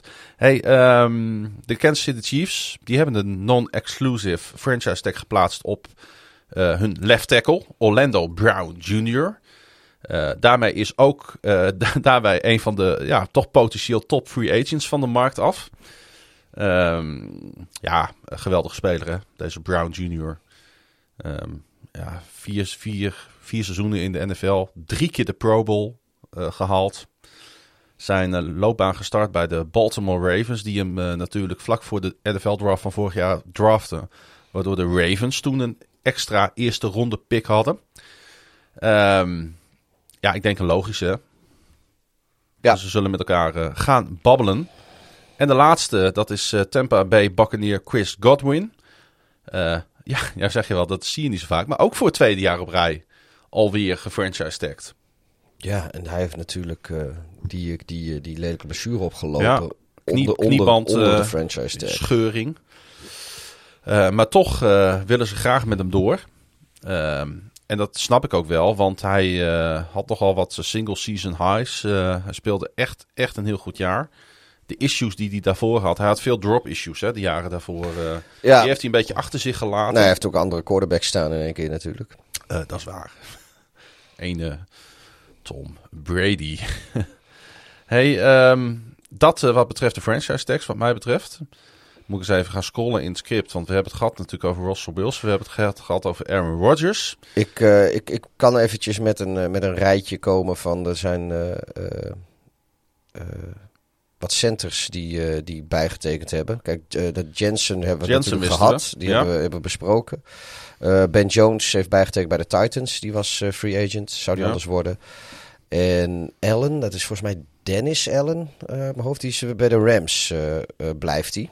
Niet Dennis Allen is de nieuwe coach van de Saints. Zijn zo. Oh, sorry, Brian Allen. Ja, joh, Jared, Jared Allen, Allen Robinson, Ja. Brian Allen, Dennis Allen. Nee, sorry, Brian Allen. Ja. Die, eh, die heeft net driejarig 24 miljoen dollar eh, eh, bij de Rams bijgetekend. Dus volgens mij is op dit moment is de best rated center die, nou ja, die, die beschikbaar zou zijn als hij niet geresigned wordt. Die Ja. komt eh, bij jouw geliefde Baltimore Is Ravens. dat eh, aan. Bradley Boseman? Dat is Bozeman. Is denk ik eh, op dit moment... Ja. ja, je hebt misschien nog een Brit. Nou ja, goed. Ehm, dat, dat wou ik even gezegd hebben. Want dus vooral dus dat Brian Allen en... en Komt gewoon live nieuws binnen hè, tijdens deze podcast. Dat is het leuke van deze dagen natuurlijk. Dus we houden dat gewoon in de gaten. Ja. Ja, ik weet niet hoe het met jou zat, maar mijn tijdlijn uh, stroomt behoorlijk vol met veel wows en ook genoeg whys. Als reactie op het besluit van de Washington Commanders om een gok te wagen voor Carson Wentz. Die ze middels een trade middels een deal zeg maar, ophaalde bij de Indianapolis Colts. De Colts ontvangen een 2022 derde ronde en een 2023 derde ronde pick. Die een tweede ronde kan worden wanneer Wentz minimaal 70% van de snap speelt. Goed, waarom? De Commanders die waren natuurlijk hoe dan ook op zoek naar een quarterback, Pieter. Ron Rivera, onze enige vriend van de show, die sprak er al openlijk over op de Combine. En vorige week melden we al dat uh, Washington alle teams uh, hadden gebeld met die, met die open vraag. Ja, waaronder de Ravens. Ja, en waaronder de Ravens. Uh, Lamar Jackson en de Ravens zeiden nee. Maar in Indianapolis wisten ze denk ik niet hoe snel ze ja moesten zeggen. Ja, weet je... Um, had ook Nick Foles kunnen zijn, hè? Had ook Nick Foles kunnen zijn. Ik denk dat de Bears ook wel ja gezegd hadden. Maar um, op zich vind ik de trade heel in, op, op, ja, wel opzienbarend. Uh, maar, maar ik baal er ook gewoon echt van. Want ik heb helemaal geen zin om nu weer, weet ik hoe lang, over, over de Washington Commanders en Carson Wentz te moeten praten. En, uh, Dan gaan we door naar het volgende blokje. Nee, nee, heel ik simpel, bedoel... het is jouw podcast ook. nee, ik bedoel, Wentz natuurlijk, weet je, die, die, die heeft uh, een aantal hele goede seizoenen gehad ooit in, in Philadelphia. Maar zo langzamerhand ligt, ligt dat is verder en verder uh, weg. En hij heeft ook in Indianapolis, hij heeft wel weer een seizoen gehad waar heel veel andere teams... Het was niet slecht, Nee, er zijn we zo weer tien teams of, of misschien wel twaalf teams of misschien wel dertien teams in de NFL die, die zouden hebben getekend voor een quarterback seizoen zoals Wentz dat in Indianapolis draaide. Maar... 62,4 completion rate, 27 touchdowns en slechts 7 intercepties. Dat valt wel mee, hè? Dat, dat, ja, als je, het, als je het zo bekijkt, valt het wel mee. Maar als je dan ziet wat ze nou eigenlijk van plan waren in, uh, mm uh, in Indianapolis. Kijk, uh, hij had natuurlijk veel meer moeten profiteren van die run heavy approach daar. Hè? Ja, maar, maar sowieso, als je, als je kijkt naar. hoe heet het, die, die, die, die, die Chris Ballard zit daar natuurlijk in Indianapolis de, de dienst uit te maken. Ehm, Matthew Stafford wilde naar Indianapolis. En dat heeft hij toen geweigerd. Uh, dus zijn ze dan met, uh, met uh, Flippy Rivers gaan zitten en later dan met, met Carson Wentz. Ja. Nou ja, beide was niet echt een. Hey, ik, ik, ik snap nog steeds niet dat, dat, dat, dat, dat ze Stafford, die zelf naar hun toe wilde, dat ze dat, ze dat geweigerd hebben. Um, maar sinds uh, onze grote vriend Andrew Locke daar weggegaan is, is er fucking puinhoop. Ja, het is het vijfde jaar, het wordt het volgens mij zelfs het zesde jaar op rij nu, ja. dat er een nieuwe starting quarterback ja. uh, op, in, tijdens week 1 staat. Ja, er is geen enkele consistentie inderdaad. En wat ik wel geinig vond om te zien ook tijdens het seizoen is dat uh, Frank Reich eigenlijk tijdens het seizoen steeds minder vaak ja, zeg maar het lot van de wedstrijd in de handen van Wens ging leggen. Ja, Terwijl we eigenlijk, eigenlijk allemaal ook wel een beetje weten dat, dat je dat misschien niet moet doen. Nee, uh, dat... dat... ooit, ooit was. Maar je moet als coach wil je natuurlijk wel het vertrouwen uitspreken in de quarterback. Ze kenden elkaar natuurlijk. Het is geen 2016 meer, of wanneer was dat dat Wentz nee, was? Dat weet ik ook wel. Maar je hoopt dan natuurlijk toch dat, dat de dingen gaan, uh, gaan veranderen. Uh, ja, en, en, en wat, wat is dit nou? Is dit nou een, een, een, een paniekactie van de commanders die denken iets in Wens te zien wat, wat er uh, waarschijnlijk niet in zit. Uh, wat, want want uh, wat ik een beetje begreep van Jim Ursay is dat uh, hij er alles aan deed om Wens zo snel mogelijk uit Indianapolis weg te, weg te loodsen. ja, nee, dat, maar... Wat ik zeg, dat telefoontje, dat moet toch, dat, dat moet ook weer een fles champagne eh, doen ontkurken in Indy. Nou goed, het heeft ze wel alsnog wel gewoon uh, uh, wat draft capital gekost. En ze krijgen ook wel een heel klein beetje er weer wat voor mm. terug. En, maar... Hoe anders zou het zijn geweest trouwens als de Colts in week 18 wel die wedstrijd van de Jaguars hadden gewonnen? Was, was, er, was er dan nu een hele andere situatie geweest? Want daar hebben de Colts natuurlijk uh, afgelopen seizoen helemaal laten liggen in die laatste pot. Nou, ze hebben toch twee keer van de Jaguars verloren? Uh, dat ik zo niet. Volgens mij hebben de Jaguars hebben ze volgens mij gesweept. Maar het ging natuurlijk om die week 18 game. Volgens hè, mij van de, van, eh, de, van de vier wedstrijden die de, die de Jacksonville gewon, gewonnen hebben, zijn er twee van de Colts geweest. Volgens mij dit seizoen eentje die wedstrijd van de Jets, geloof ik, in, in New York. Eh, of in, in Londen, sorry. En ja, er was nog eentje. Maar goed, de, eh, los van dat. Maar daar heeft, Maar, da- nee, maar had- daar heeft hij het natuurlijk helemaal afgedaan hè, voor, de, voor organisatie. Hadden, ja, maar hadden de Colts enige, enige kans gehad in de playoffs. Nee. Ik vind gewoon, kijk, het is natuurlijk heeft, heb- hebben ze de pech gehad dat zij daar in principe een franchise quarterback hadden die een paar een week volgens mij of twee weken voordat het reguliere seizoen zou beginnen zei van oh trouwens ik ga met pensioen. Eh, dat was de vijf jaar geleden of zes jaar geleden met Andrew Locke. Ehm, dat is natuurlijk een ongelooflijke kutsituatie voor een team. En het is helemaal niet makkelijk om zomaar een quarterback te vinden. Dat, eh, dat eh, weet ik als Bears-fan ook eh, maar al te goed. Maar weet je wat, wat er sindsdien gebeurd is daar? Kijk, dat je, dat je wat probeert en dat het niet meteen lukt. Ook dat kan gebeuren. Mhm. Maar er zit geen, geen, ook geen visie in, geen consistentie in. Ik bedoel, je gaat van, van, van Rivers, nou die, die, arm, de, die arm was in één keer noedel geworden in, in, de, in één offseason. Dat hadden ze misschien ook niet helemaal kunnen voorzien. Maar, maar ja, nogmaals, eh Stafford niet nemen en dan Wentz wel. Dat, dat, dat getuigt gewoon van, van een blinde vlek. Want eh, jij vindt Stafford misschien wel niet zo goed als dat ik hem vind. Maar eh, als jij moet kiezen, eh, Stafford of ik iedere, iedere keer word ik hiermee om de oren Ja, de- ja, dat klopt. Maar dan nog, als jij moet kiezen, eh, voor, voor komend seizoen of voor vorig seizoen, stel natuurlijk, dat is natuurlijk- Stafford of Wentz. Dat is natuurlijk dat is duidelijk. Ja, En, en ja, en, en ik weet niet wat, wat, wat, wat ze draften daar aan quarterbacks. hoewel ik het wel alle, alle twee qua persoonlijkheid ongelooflijke flapdrollen vind. Dat, dat, dat, dat sowieso. Maar goed, eh, daar hebben we er wel veel meer van eh, in de NFL. Dat klopt. eh. ik ben zo geen fan van deze twee, twee Nee, kerels. ik- ik Trouwens, oh, daarover gesproken. nu de- dit duidelijk werd, dit nieuws, hè, heeft Ursi ook gelijk naar buiten gebracht dat er nog wat meespeelde. Namelijk dat hij ongelooflijk niet blij was met de ongevaccineerde status van Wentz. Want hij zei, ik wou een quarterback eh, waar wij vol voor gingen. Daar wou ik een quarterback voor terug die ook vol voor ons gingen. Dus die alles in het werk zouden stellen Ja. om het allerbeste voor dit team te zijn. En voor Ursi is het beste voor het team zijn dat je paar van die prikjes nam. Ja, natuurlijk. Ja, wij zijn, wij zijn daar vrij uitgesproken in. Nee, maar het was, zo- het was Maar deze een beetje... heeft nu ook, nu, nu Nee. kon hij vrij uitpraten. Maar het was ook wat vernederend voor hoe het allemaal gegaan is. Want Ja. het schijnt dus dat zodra het seizoen voorbij was, eh, dat eh, Wentz contact heeft gezocht, volgens mij met Ursay, om met hem te praten over de toekomst. Dat Ja, heeft klopt. En die heeft gewoon nee.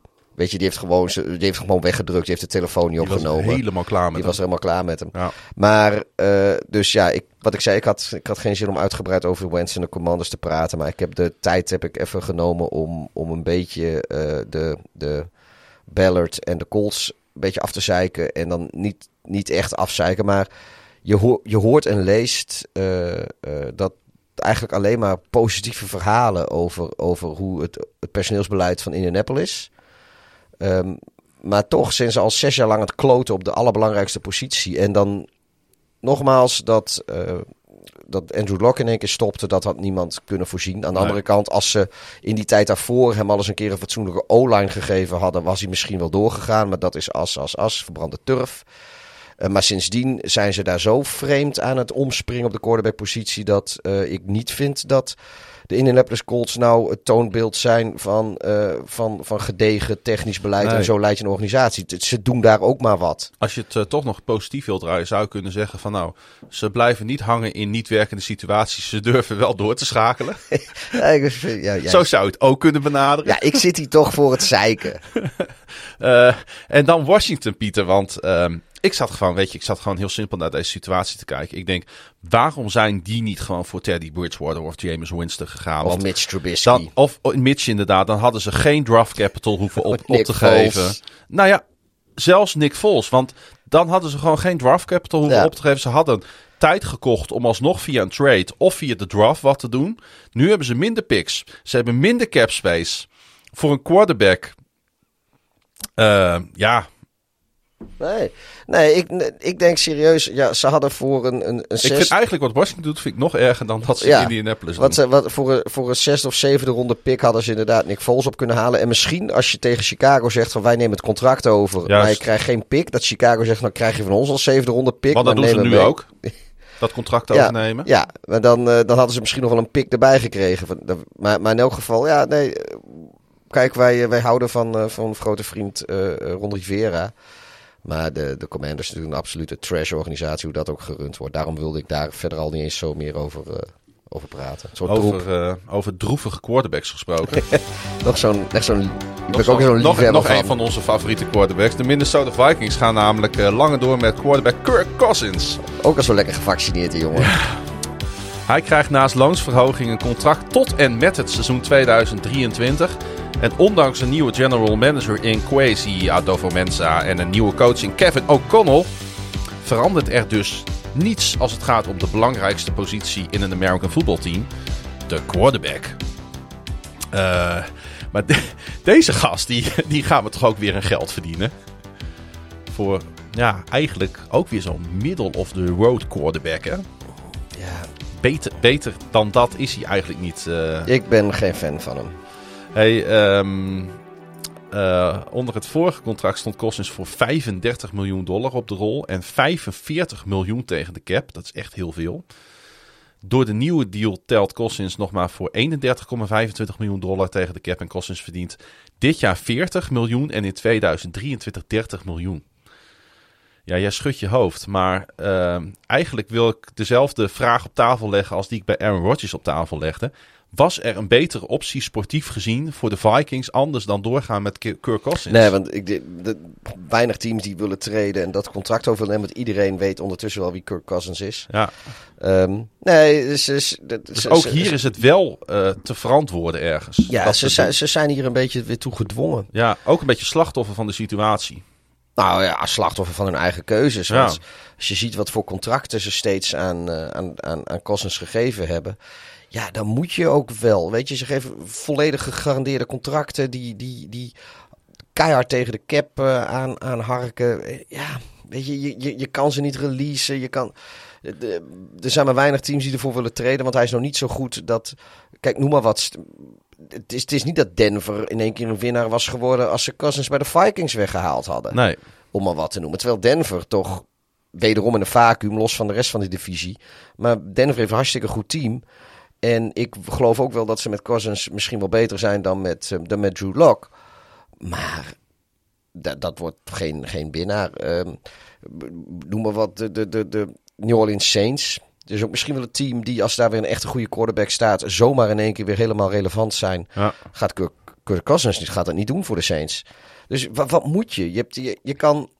De Vikings worden er, gaan, er niet, die gaan de divisie er niet mee winnen.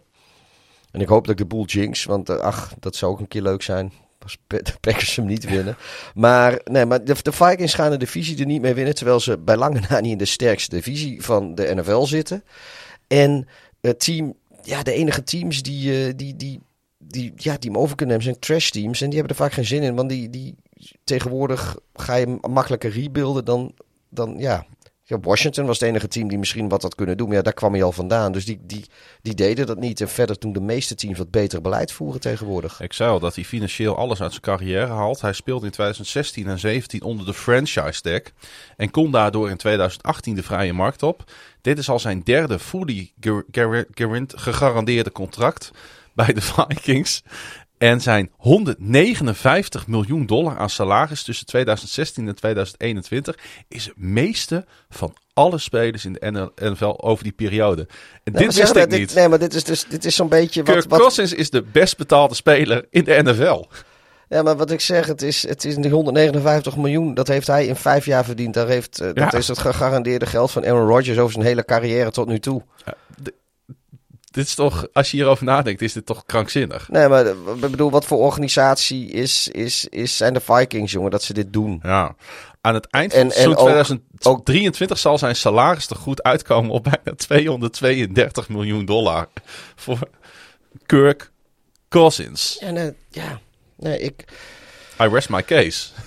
die, eh, dat allereerste keer eh, dat, ze, dat ze hem tekenden, de Vikings, kon je nog snappen. Want er waren heel veel mensen die zeiden: Washington heeft hem verkeerd gebruikt. Washington is een trash-organisatie. En daar was van alles voor te zeggen dat dat zo was. In ieder geval dat laatste. Ja. Nou ja, dat, weet je, je ziet het nu ook eh, in mindere mate met Trubisky. Dat heel veel, die was in één keer heel erg gewild op de free agency-markt. Terwijl die uh, natuurlijk in Chicago, ja goed, weet je, het is, het is niet de slechtste quarterback uit de league, maar je wint er ook geen Super Bowl mee. Nee. Maar een jaartje bank zitten en, uh, en ik geloof het zeven passes, waaronder een interceptie gooien bij Buffalo. En, uh, en in één keer is die, is die een hot commodity op de, op de quarterbackmarkt. Nou, maar dat was met Cousins ook zo toen hij, toen hij, toen hij free agency kon doen bij de, nou, bij de Redskins toen nog. Mm -hmm. Dat ja, denk nou, weet je, als hij in een goede organisatie komt, een goede aanval en, uh, en, en wapens om hem heen en bla bla bla, dan kun je met Cousins van alles doen. Cousins werd toen ook echt wel gezien als, als die second tier quarterback, weet je. Uh, in, zeg maar in de, weet je, waar, waar Romo en Rivers en zo zaten, zeg maar. De, nou ja, dat is natuurlijk absoluut niet waar gebleken uiteindelijk. Joe Flacco. Ik moet toch even zijn naam in noemen, hè? Maar, ja, maar die, die, die weet ik ook niet of die in die tier zit. En uh, hij, heeft, hij, heeft, hij, heeft, natuurlijk zijn fenomenale op-postseason gehad. Maar, maar, net, maar in ieder geval, Cousins is gewoon... Ja, bij de Vikings heeft hij uiteindelijk laten zien ook, ook niet zo goed te zijn. Sorry, is natuurlijk onzin, want we weten allemaal dat Joe Flacco natuurlijk elite is. Ja. Maar ja, ik, uh, ik, ik, ik snap de Vikings. Ze moeten wel, maar het is ja... Nee. Hey, uh, jij uh, liet zijn naam al even vallen. Mitchell Trubisky, de ja, free agent quarterback, gaat namelijk voor twee jaar tekenen bij de Pittsburgh Steelers. Is al een paar keer voorbij gekomen in deze podcast. Jij hebt hem ook al een uh, soort van voorspeld. We hebben nog veel meer niet voorspeld, maar dit hadden we dan toevallig wel voorspeld. Ja, maanden geleden al. Het schijnt dat hij de keuze had tussen twee teams, de Steelers. En hij heeft ook serieus nagedacht over de New York Giants. Maar in uh, Pittsburgh zal hij de strijd aangaan met Mason Rudolph als starting uh, voor de starting job. In wat nu toch echt uh, post Ben Roethlisberger era is. Ja. Het is wel even wennen, hè? Ja, nou wel, ik, ik, vind het wel, ik vind het wel leuk voor, voor Trubisky. Ik gun hem dit ook. Ik hoop dat hij het goed gaat doen. Jij niet natuurlijk, maar dat... Uh... Nou, hij mag het van mij wel goed gaan doen. Maar ik denk niet dat uh, de Steelers op dit moment een woordje kunnen meespreken met uh, met name de Bengals en de Ravens. Als, ik, als, als, dit, als dit het is. Trubisky 1, Ravens 0. Ja, en? Heb nog nooit van de Ravens Statistiek verloren, uit het verleden zegt niks over nooit van... Nee, weet je, kijk, uh, hij komt nu, nu natuurlijk gewoon terecht Lamar bij, heeft ook uh, nog nooit van Tom Brady verloren. uh, ja, maar die heeft ook nooit tegen, tegen hem gespeeld. Nou, zeker wel. Zeker wel. Is dat zo? Ja, de Baltimore Ravens hebben Tom Brady keihard verslagen, jongen, in de regular season. Oh, nou, Touwen, mijn jong. oh, hoeveel, nou, hoeveel ring heeft Lamar Jackson? Ja. Oké. hey, eh, net zoveel als Trubisky. Maar eh, nee, weet je, hij komt nu bij... ja, eh, ja bij- inderdaad. dat is het goed, enige juiste antwoord.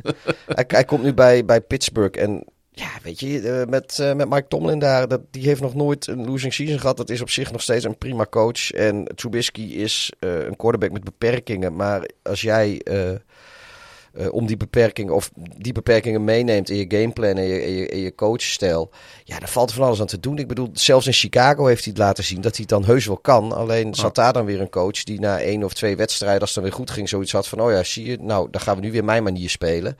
Ja, en, en dat werkte gewoon niet. Pro Bowl in 2018 natuurlijk. Hè, nou, dat goede Ja, seizoen van hem. alternate. Alternate. Goed, maakt niet uit. Het gaat om de uitverkiezing. En eh, in 2020 gebenched door toenmalig headcoach Matt Nagy. Een aparte tegenstelling natuurlijk. Eh, ik denk eh, eerlijk gezegd dat, eh, dat hij op papier is hij... want ik ben namelijk geen fan van Mason Rudolph. Ik vind dat een hele matige quarterback. Oh, hij is de beste quarterback. Hij, Hij, is de natuurlijk beste met kop quarterback en in schouders Pittsburgh. op dit moment. En het, Sterker nog, als Ben Roethlisberger er ook nog had gezeten en ze, het was Mhm. Haskins en Rudolph en Roethlisberger en Trubisky en die moesten met z'n vieren de strijd aangaan voor de starting job, dan ging ik, zet ik mijn geld op Trubisky. Gaan we, gaan we hem even doorpakken naar eh de Sean Watson. Want er is eindelijk een soort van duidelijkheid omtrent, eh, om, omtrent Watson. Meer dan elf maanden nadat de politie van Houston aankondigde dat er een onderzoek werd ingesteld naar beschuldigingen van aanranding en seksuele mishandeling, sprak een grand jury Watson vrij. Nou, Ja, vrij, ze, ze hebben besloten dat er geen aanleiding is om er een strafrechtelijke zaak van te maken. Dat wil niet zeggen dat je vrijgesproken bent, maar ja, je kan ook niet meer eh, eh, bestraft worden. Je kan niet meer terug, precies. Nee, maar het is niet dat een rechter heeft gezegd je bent onschuldig. Er is alleen gezegd we gaan er geen strafzaak van maken. Het is natuurlijk wel zo dat... eh, detail, maar het is wel een belangrijk detail. Ja, ja. Het is natuurlijk wel zo dat er nog die eh, 22 civil suits op, op de plank liggen. Dus die civiele zaken. Eh, maar er lopen geen, zoals ze dat officieel noemen, criminal proceedings meer. Eh, en de weg naar een eh, trade ligt, ligt dus open. En Watson is gewoon eligible om te spelen. Hoe gek dat ook klinkt, Voorlopig wel, ja. voorlopig. Ja, de Texans die gaan hem natuurlijk traden. Hè? En nou is de grote vraag. ik zou bijna de voorspellingstune kunnen indrukken. Waar gaat hij landen? Gaat hij ergens landen? Ja, nou ja de, de, de NFC South eh, lijkt op dit moment eh, de beste papieren te hebben om, eh, om zijn nieuwe thuis te worden. Dan wel Charlotte, omdat de Carolina Panthers schijnen nog verregaande interesse te hebben. En de Saints ook. Dus de Panthers zijn interessant omdat Watson een geschiedenis heeft met Carolina quarterbacks coach Sean Ryan. Die die rol ook had in de eerste twee pro-seasons van Watson. Dus daar zou een linkje kunnen leggen. Het zou een soort van kruiwagentje kunnen zijn waardoor eh, Watson het misschien wel wil gaan proberen in Charlotte. Aan de andere kant, van alle teams in de NFL is misschien Charlotte, zijn misschien de Carolina Panthers wel het meest oninteressante team op dit moment. Hè? Want daar ontbreekt wel heel veel talent en, eh, en, en, en, en perspectief. Het is zo'n verschil met de, met de preview van vorig seizoen. Weet je, Ja, afgelopen zomer dat zaten, zaten we nog van, ah, die Panthers. nou, ik was echt, ik was echt ervan overtuigd Oh, nee, dat, nee, nee, eh, dat- dat, ze daar, dat ze daar op de goede, is, goede het, is, weg ook, zaten. het, is ook, het is ook niet erg. Alleen het, ik, het, het is wel eh, een beetje tekenend hoe dat zeg maar, in nog geen twaalf maanden zo, eh, Ja. zo veranderd is. Ja, nou, daar zijn ze zelf debet aan. maar Ik denk dat New Orleans een veel interessantere optie is. ja, kijk, New Orleans wordt, eh, wordt eh, ja, wat ik zeg, weet je, alles wat we nu zeggen is even ervan uitgaande dat hij gewoon mag spelen en dat al die off-the-field ellende, dat Nou, dat, eh, let dat maar dat op, klaar is. dat, dat gaat gebeuren. Ehm, ja, dan is New Orleans. Ja, wat eh, jij zei voor de uitzending tegen mij. Jij zei, nou, die, die, die civiele zaken zullen wel geschikt worden. Ja. Eh, die grand jury heeft nu zijn uitspraak gedaan. Ja, de, Sean- de Sean Watson gaat gewoon Ah, joh, dan gaan er weer allemaal van die, van die... Kijk, weet je, het, het, het, het is ook een, een shitshow van heb ik jou daar. Want er wordt een heel groot deel van de zedenzaken... en aanrandingen, verkrachtingszaken... Die, eh, die voor een grand jury komen. En de grand jury die beslist dus eigenlijk... of er tot vervolging overgegaan gaat worden... of er inderdaad een strafzaak van komt.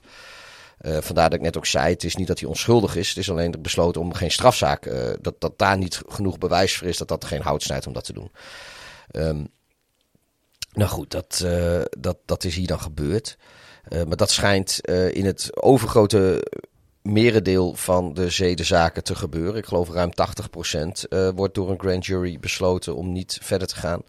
Eh, dus er waren ook heel veel mensen die hadden wel voorspeld van nou, die strafzaak, dat zal er niet, waarschijnlijk niet van komen. Omdat Hm. in soortgelijk, hoewel 22 zoveel, maar in soortgelijke zaken eh, wordt meestal ook besloten om niet te vervolgen. Nou, 22 is veel, maar dat wordt natuurlijk gebundeld.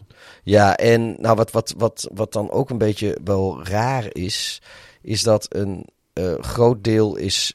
Of nou, ik, ik, dit zijn niet mijn woorden. Dit is, weet je, het gerucht, geruchten en het lastigcircuit. We hebben het wel vaker over de Texans gehad. En wat voor absolute vuilnisbelt van een organisatie dat wel niet kan zijn. Maar ook een, een, een slangennest. Daar zit die. eh, ehm, God, hoe heet die nou? Die, die gast. eh, die we hebben wel eens ver- vergeleken Ja, met. Die van, eh, de, Pa- die van de Patriots eh, naar hem toegekomen is. ja, die, die, die, die dominee of zo. Wat is het? Die aalmoezenier eh, die, Ja. die daar zit. En we hebben hem wel eens eh, vergeleken met die intrigant die daar in dat Russische tsaarhuis zat. Waar Boney M zo'n mooi liedje over had. Ja, Eh, eh, waar ik ook niet op de naam kan komen. Je bedoelt eh, waarschijnlijk die Nick eh Casario?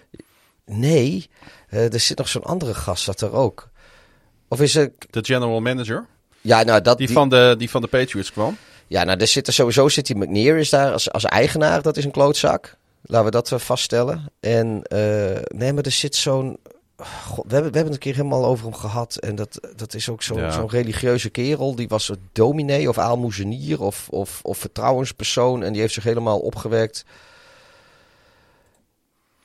Ik, eh, ik weet eh, wat je bedoelt. Eh, Jack Easter, Easterby. I- ja, Dat dat, is dat, hem. dat is hem, ja. De Executive Vice President of Football Operations. Ja, ondertussen. Maar eigenlijk is het gewoon een veredelde aalmoezenier Hij was zelfs eh, volgens mij in negatieve zin zelfs onze Who's That Man. Ja, dat klopt. We Ja. hebben er een keer uitgebreid over gehad. En toen heb ik hem dus vergeleken met, met, met die Russische intrigant daar in het Zarenhuis. Ja, hij was eh character coach bij de Patriots en hij was kapelaan bij de Chiefs. Oh ja, daarom noemde ik hem aalmoezenier. Ten tijde van die, eh, van die nare, van dat nare voorval bij de Chiefs. Wat gebeurde er ook alweer in dat, eh Ja, weet ik veel. dat Maar de? Een eh, speler die zelfmoord pleegde volgens mij.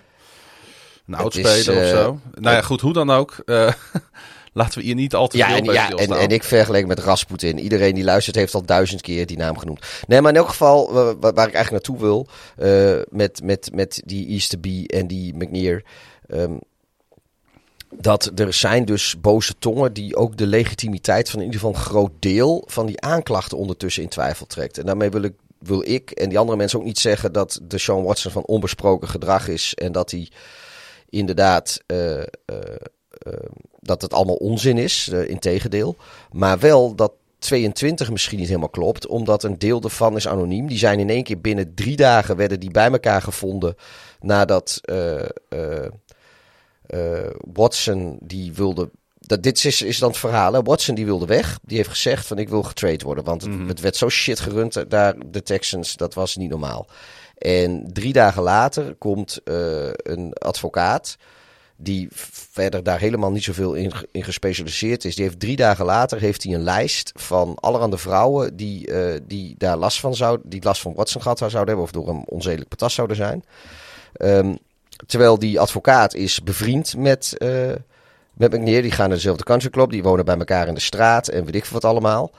En ja, daar gaan ondertussen weer de meest wilde complottheorieën rond over wat, wat daar dan gebeurd is. En, en, en een heel deel van die aanklachten wordt dus aan de legitimiteit getwijfeld. En ik vind het altijd heel gevaarlijk om dat te doen bij dit soort zaken. Want je wil niet eh, de slachtoffers eh, de schuld in de schoenen schuiven of Nee. in een kwaad daglicht stellen. Eh, maar in dit geval zou dat voor een deel van de aanklachten gelden. Dat zijn sowieso de anonieme aanklachten. Ehm, eh, maar aan de andere kant, waarom zouden de Texans dat doen? Want ze tanken natuurlijk de trade value van eh, de Sean Watson. En het is ook, maar ja, dan zou je zeggen, ja, maar misschien als ze dan geen enkel team voor de Sean Watson wil treden, dan blijft hij misschien wel bij de Texans. En dan denk ik van ja, zou jij als quarterback Gaat bij een organisatie blijven spelen die net allerhande No eh, eh, seksuele eh, aanranding, eh, intimidatieklachten heeft gefabriceerd om jouw trade value te tanken? Dat gaat ook niet gebeuren. Dus ja, waarschijnlijk, eh, wat- dan het gerucht is, is dat ze eigenlijk Watson in een, in een soort pensioen wilden drukken. Want dan hadden ze dus geen ander team die hem kon hebben. En zij zouden of de hoek zijn voor, voor zijn kosten. En eh, zo vindictive zou dan de, de, de Texans-organisatie zijn. En daar zouden ze dan een deel legitieme eh, beschuldigingen voor gebruiken. En deels eh, dat zelf wat aangedikt hebben en met de timing hebben gespeeld en, enzovoort enzovoort. Nogmaals, dit is niet mijn theorie. Dit is wat ik de afgelopen weken meer en meer ben tegengekomen op, op, op het internet. Zelfonderzoek. Zelfonderzoek. Ehm, maar ik had zoiets van, ja, het is op zich wel een, een, een, ja, een interessant, vreemd verhaal. Ik denk, weet je, ik deel het toch met de mensen. Maar goed, als de Texans willen doorschakelen en eh, weer een beetje een stabiele franchise willen worden. Ze hebben daar denk ik al een eerste stap mee gezet natuurlijk met het aantrekken van Lovie Smith als eh headcoach. Maar als zij eh, drie eerste ronde picks erbij krijgen, ja, dan wordt het natuurlijk wel interessant weer voor hun de komende jaren. En dan kunnen ze weer gaan bouwen aan een, aan een hopelijk mooie franchise. Want de NFL is gewoon gebaat bij teams die het goed doen. Ja, maar het, het- En, zeker ook deze divisie. Nu, eh, sorry als we Texans-fans hebben die luisteren hoor, maar ik zit me toch af te vragen. Stel dat, dat de Houston Texans zouden verdwijnen uit de NFL.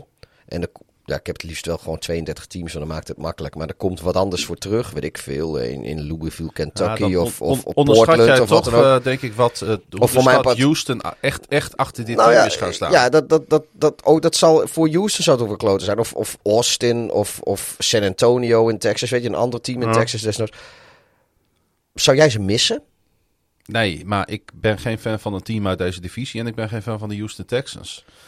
Nee, maar ze zijn ook het... het Ze zijn het jongste team ja, natuurlijk. nee, nee, ik, ik denk dat het, het, het- Maar ze zijn ook een van de, van de, van de, van de trashste teams. Zowel Hmm. qua hoe ze, hoe ze met spelers omgaan, maar ook... oh, Ja, het is gewoon... ja.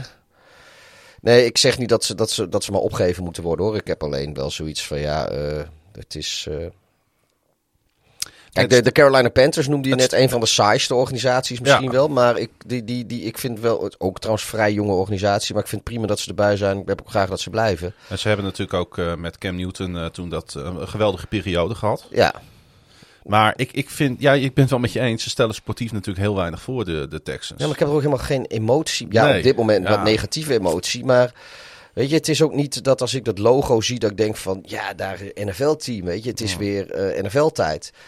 Eh, ja, het is allemaal gewoon. mm, Nou ja, de manier waarop, eh, ja, eh, ja. Kijk, ik, ik kan wel, kijk, de Baltimore Ravens zijn natuurlijk ook een relatief jong team die in ongeveer, die wel iets Ja, eerder zijn ontstaan. Ja, maar kijk, die zit natuurlijk wel in de divisie met, met, met, met de Browns en de Steelers. Wat natuurlijk weer een hele historische franchise zijn. Daar hebben ze er weer rivaliteiten mee. En maar daardoor... hebben natuurlijk hun franchise daardoor- ook heel anders opgebouwd. Ja, nee, maar daardoor is er meteen een beetje de Steelers-Ravens eh, rivaliteit. Dat is meteen, is dat al een van de, van, dat is gewoon een hele dikke rivaliteit in de NFL. En, en dat is daar ook niet, want dan heb je de Texans en de, en de Colts en de Titans Nee. en de Jaguars. Nee, daar, zit, daar zit ook geen rivalry. Ja, weet je, de, de, de, de, de, de, de Colts en de, en, de, en, de, en de Titans, die hebben nog wel een beetje. En, en natuurlijk, ja, Ja, en, de, en de Texans en de Titans, omdat natuurlijk de Titans uit Houston komen eigenlijk. En la la la la la la la. Maar het is niet zo dat wij als buitenstaan. Kijk, als ik, heb, ik, heb, ik ben geen fan, niet, niet, niet fan van de Ravens of van de Steelers. Ik heb, er, ik heb, ik heb wel warme gevoelens, maar eh, weet je, ik kan wel gaan zitten voor Ravens Steelers als ik zie dat dat een Monday Night Football is en ik eh, hoef dinsdag niet heel vroeg op te staan. Hm. Maar als eh, Colts, Texans, dan denk ik niet van nou, dit is een divisie rivaliteit. Dan ga ik in pak chips, krat bier. Hier, Ja, blijf ik en hier geef ik mijn nachtrust voor op. enige speler waarvoor je natuurlijk je televisie aanzette, dat was J.J. Watt. Ja, en de Sean Watson toen, Ja. toen Maar ja, zelfs met de Sean Watson was het af en toe natuurlijk. Die kon het ook in zijn eentje niet bolwerken daar. Nee, nee, nee, nee, nee. Maar goed, dat, eh, ja. Kijk, eh, ja, ik vind, ik vind de Texans, ik, ik heb er als organisatie, ik heb er helemaal niks mee. Nee. Ehm, En met de Sean Watson als persoon ook ni- niks meer. Want of, of het nou, weet je, ook al zouden er van die 22, zou, ook al zouden er een aantal vrouwen bij verzonnen zijn. Stel dat dat waar is, dan nog, eh, joh, als er maar één van die, van die 22 een echte vrouw is met een echte klacht, die, die legitiem is. En dan ga ik vanuit dat, dat dat zeker wel minimaal één gaat zijn en waarschijnlijk veel meer. Joh, dan is de Sean Watson ook gewoon een trash persoon en die gewoon lekker cancelen. Calvin Ridley. Moeten we het nog even over hebben, jonkje. Ja, nou, die wordt dan dus wel geschorst. Het, is niet, het is niet alsof hij eh, een stel masseuses heeft lastiggevallen. Nee, wat heeft hij eh, gedaan? Hij heeft geen wereldschokkende dingen gedaan, maar hij heeft wel wereldgokkende dingen gedaan. Hij Oh. heeft gewet op, op NFL-wedstrijden tijdens het seizoen 2021. was eind november, om precies te zijn 28 november, week 12. De Falcons wonnen toen met 21-14 eh, van Jacksonville, dacht ik hè? Ja, in, en, in Jacksonville, van Jacksonville. En omdat hij dat gedaan heeft, eh, wordt hij dus voor een jaar geschorst. Ja, want hij had dus gewet op eh, eh, wedstrijd van zijn eigen team. Ja. Eh, Ridley, die natuurlijk in het nieuws kwam, eh, hebben we uitgebreid besproken ook. Vonden we eigenlijk best wel stoer van hem dat hij eh, openlijk toegaf dat hij niet lekker in zijn vel zat. Ja, Depressieklachten, kon, eh, kon zich niet opladen om eh, voetbal te spelen. Heeft eh, gezegd van nou, ik eh, zet mijn salaris maar stop en ik ga, ik ga thuis zitten. ja. Eh, ja, eh, is dit in verhouding met elkaar? Nee, nu moet ik zeggen dat thuiszitten, wat, wat je zei, dat is natuurlijk figuurlijk. Laten we dat even benadrukken, want de, de, de weddenschap is geplaatst vanuit Jacksonville, Florida.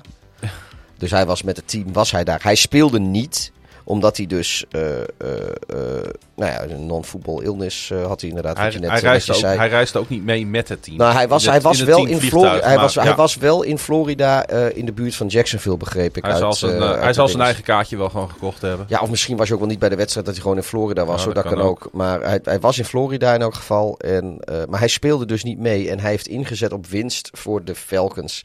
En nee, het mag niet. En ja, het was dom. Maar eh, kijk, als hij nou zelf had meegespeeld. en in heeft gezet op verlies voor de Falcons bijvoorbeeld, dan vind ik het veel kwalijker. Nu heeft hij ten eerste hij heeft er geen invloed op. En ten tweede, uh, het doel van een wedstrijd spelen in de sport is dat je probeert te winnen. Dus uh, ik heb persoonlijk heb ik er helemaal niet zoveel problemen mee als een speler een weddenschap plaatst op zichzelf of zijn eigen team van ik ga winnen. Hmm. Ik bedoel, stel dat, uh, weet ik veel, die, die Djokovic, die tennisser, als die uh, nou wel gewoon zijn vaccinaties haalt en dan lekker in India Wells gaat tennissen en dan zegt, en komt in de finale en die zegt van nou ik zet hem duizend dollar op mezelf in de finale. Wat maakt het uit? Kijk, het wordt raar als hij 10.000 dollar zet op. Nou, dat is met prijsgeld. Maar het is raar als hij heel veel geld zet op verliezen. En vervolgens al die ballen uh, mis gaat slaan. Maar ja, ik, ik, ik, ik, ik zie daar echt het probleem niet. Ik denk dat je hier de verre van moet houden. Dat... Alles schijn gewoon te, te Ja, nee, dat, dat, dat is waar. Maar ik vind dit wel gewoon... Het is niet zo dat American voetbalspelers het nodig hebben om geld in te zetten op wedstrijden. Nee, maar uh, wat het is... Ik, weet je, zeker als je ik, ik wil het ook niet goed. Ik, heb, ik, ik gok niet. Ik hou niet van gokken. Ik, heb ook, ik vind ook waardeloos dat, dat. Ik zeg niet dat ik het slecht vind dat gelegaliseerd is. Want iedereen moet het zelf weten. Maar ik vind het wel slecht dat er zoveel sponsoring en, en reclame en weet ik wat voor is. Want wat mij betreft is net als met, met, uh, met, uh, met tabak en, uh, hmm. en drank en wat dan ook. Dan moet je een beetje, een beetje matigen met je, met je reclame. Ehm, crypto vind ik dat trouwens ook van. Maar dat is, gaat wel heel erg ver af. is ook een soort gokken. Maar... Um, Bananen ook. nee, maar weet je, als hij, uh, als hij inderdaad uh, geestelijk niet zo lekker zit en ja. hij zit toch die wedstrijd te kijken. Ik hou en, niet van bananen. En hij, ik, ik, ik heb geen probleem met bananen. Okay. Maar uh, als, als hij die wedstrijd zit te kijken en hij zit geestelijk niet zo lekker in zijn vel en hij voelt er dus niet zoveel bij. Ja, dan kan ik me voorstellen, duizend dollar heeft hij ingezet. Nou, dat is voor jou en mij veel geld. Maar dat oh, is dacht voor... 1500, maar goed. Oh, ik had, ik had, oh, misschien, ja, nou goed, ik had, uh, dat heeft hij teruggekregen. Ja, hij zei ook. Oh, hij, heeft, hij heeft duizend, hij heeft duizend dollar ingezet en 1500 teruggekregen, dus 500 dollar winst. Volgens mij twitterde of Instagram die die ook zoiets van, nou jongens, ik heb ook, ik heb geen gokprobleem hoor. Dit was nee, eenmalig. Maar ik kan me dus voorstellen, en dat heb ik ook wel eens gedaan. Ik heb ook wel eens s'nachts uh, of s'avonds, zondagavond NFL zitten kijken. En dat was in die tijd van ESPN America. Dat je drie wedstrijden had op ja. zondagavond. En niet kon kiezen welke. En ook niet wat anders kon kijken. Geen red zone mm -hmm. enzovoort. En dan was s'nachts, noem maar wat, uh, wedstrijd van de Bears of zo die ik wilde zien. Die hadden Sunday Night Football. En uh, er was op zondag om 7 uur. Daar zit die tweede wedstrijd zit daartussen. En die was dan niet zo leuk. Dat is dan Colts tegen de, tegen de Texans of zo, weet je. Dat is dan de tweede wedstrijd. Nou ja, goed, daar zit je dan maar, nou die kijk je dan. En dan zat ik op een gegeven moment ook wel eens, uh, zet ik, kon je een kwartje inzetten op wie je denkt dat de eerstvolgende touchdown maakt. Of, of, wat, of wordt de volgende score touch. Dat deed ik dan wel eens. Nou ja, en dan, dan heb je, zit je weer met wat meer spanning aan wedstrijd te kijken. Want misschien win je wel een dubbeltje. Nou, en ja, weet je, dat, daar heb ik niet zoveel problemen mee. Maar ja, weet je, dat hij gestraft wordt vind ik prima. Dat, dat het verboden is vind ik goed. Maar ik vind deze, deze straf, joh, dat staat dan ook weer niet in verhouding nee. tot, uh, tot maar wat hij gedaan heeft. Met zijn depressieklachten van afgelopen seizoen, met dit seizoen down the drain, nu al. De carrière van deze Calvin Ridley, wat absoluut een ongelooflijk getalenteerde wide receiver is. Ja, die, die spoelt wel, uh, wel snel weg op deze manier. Hè? Ja, en, en het is ook wel weer... Het, dat is wel sneu. De, de, de voetbalgoden zijn de Falcons ook bepaald niet gunstig Nee, daar zat ik ook al aan te denken. Dat overkomt de Falcons weer. hey, uh, Khalil Mack die vertrekt uh, van Chicago naar de LA Rams.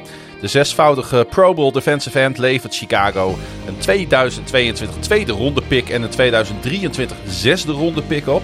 En uiteraard nemen de Chargers ook het salaris van Mack over. Een slordige 64 miljoen over drie jaar.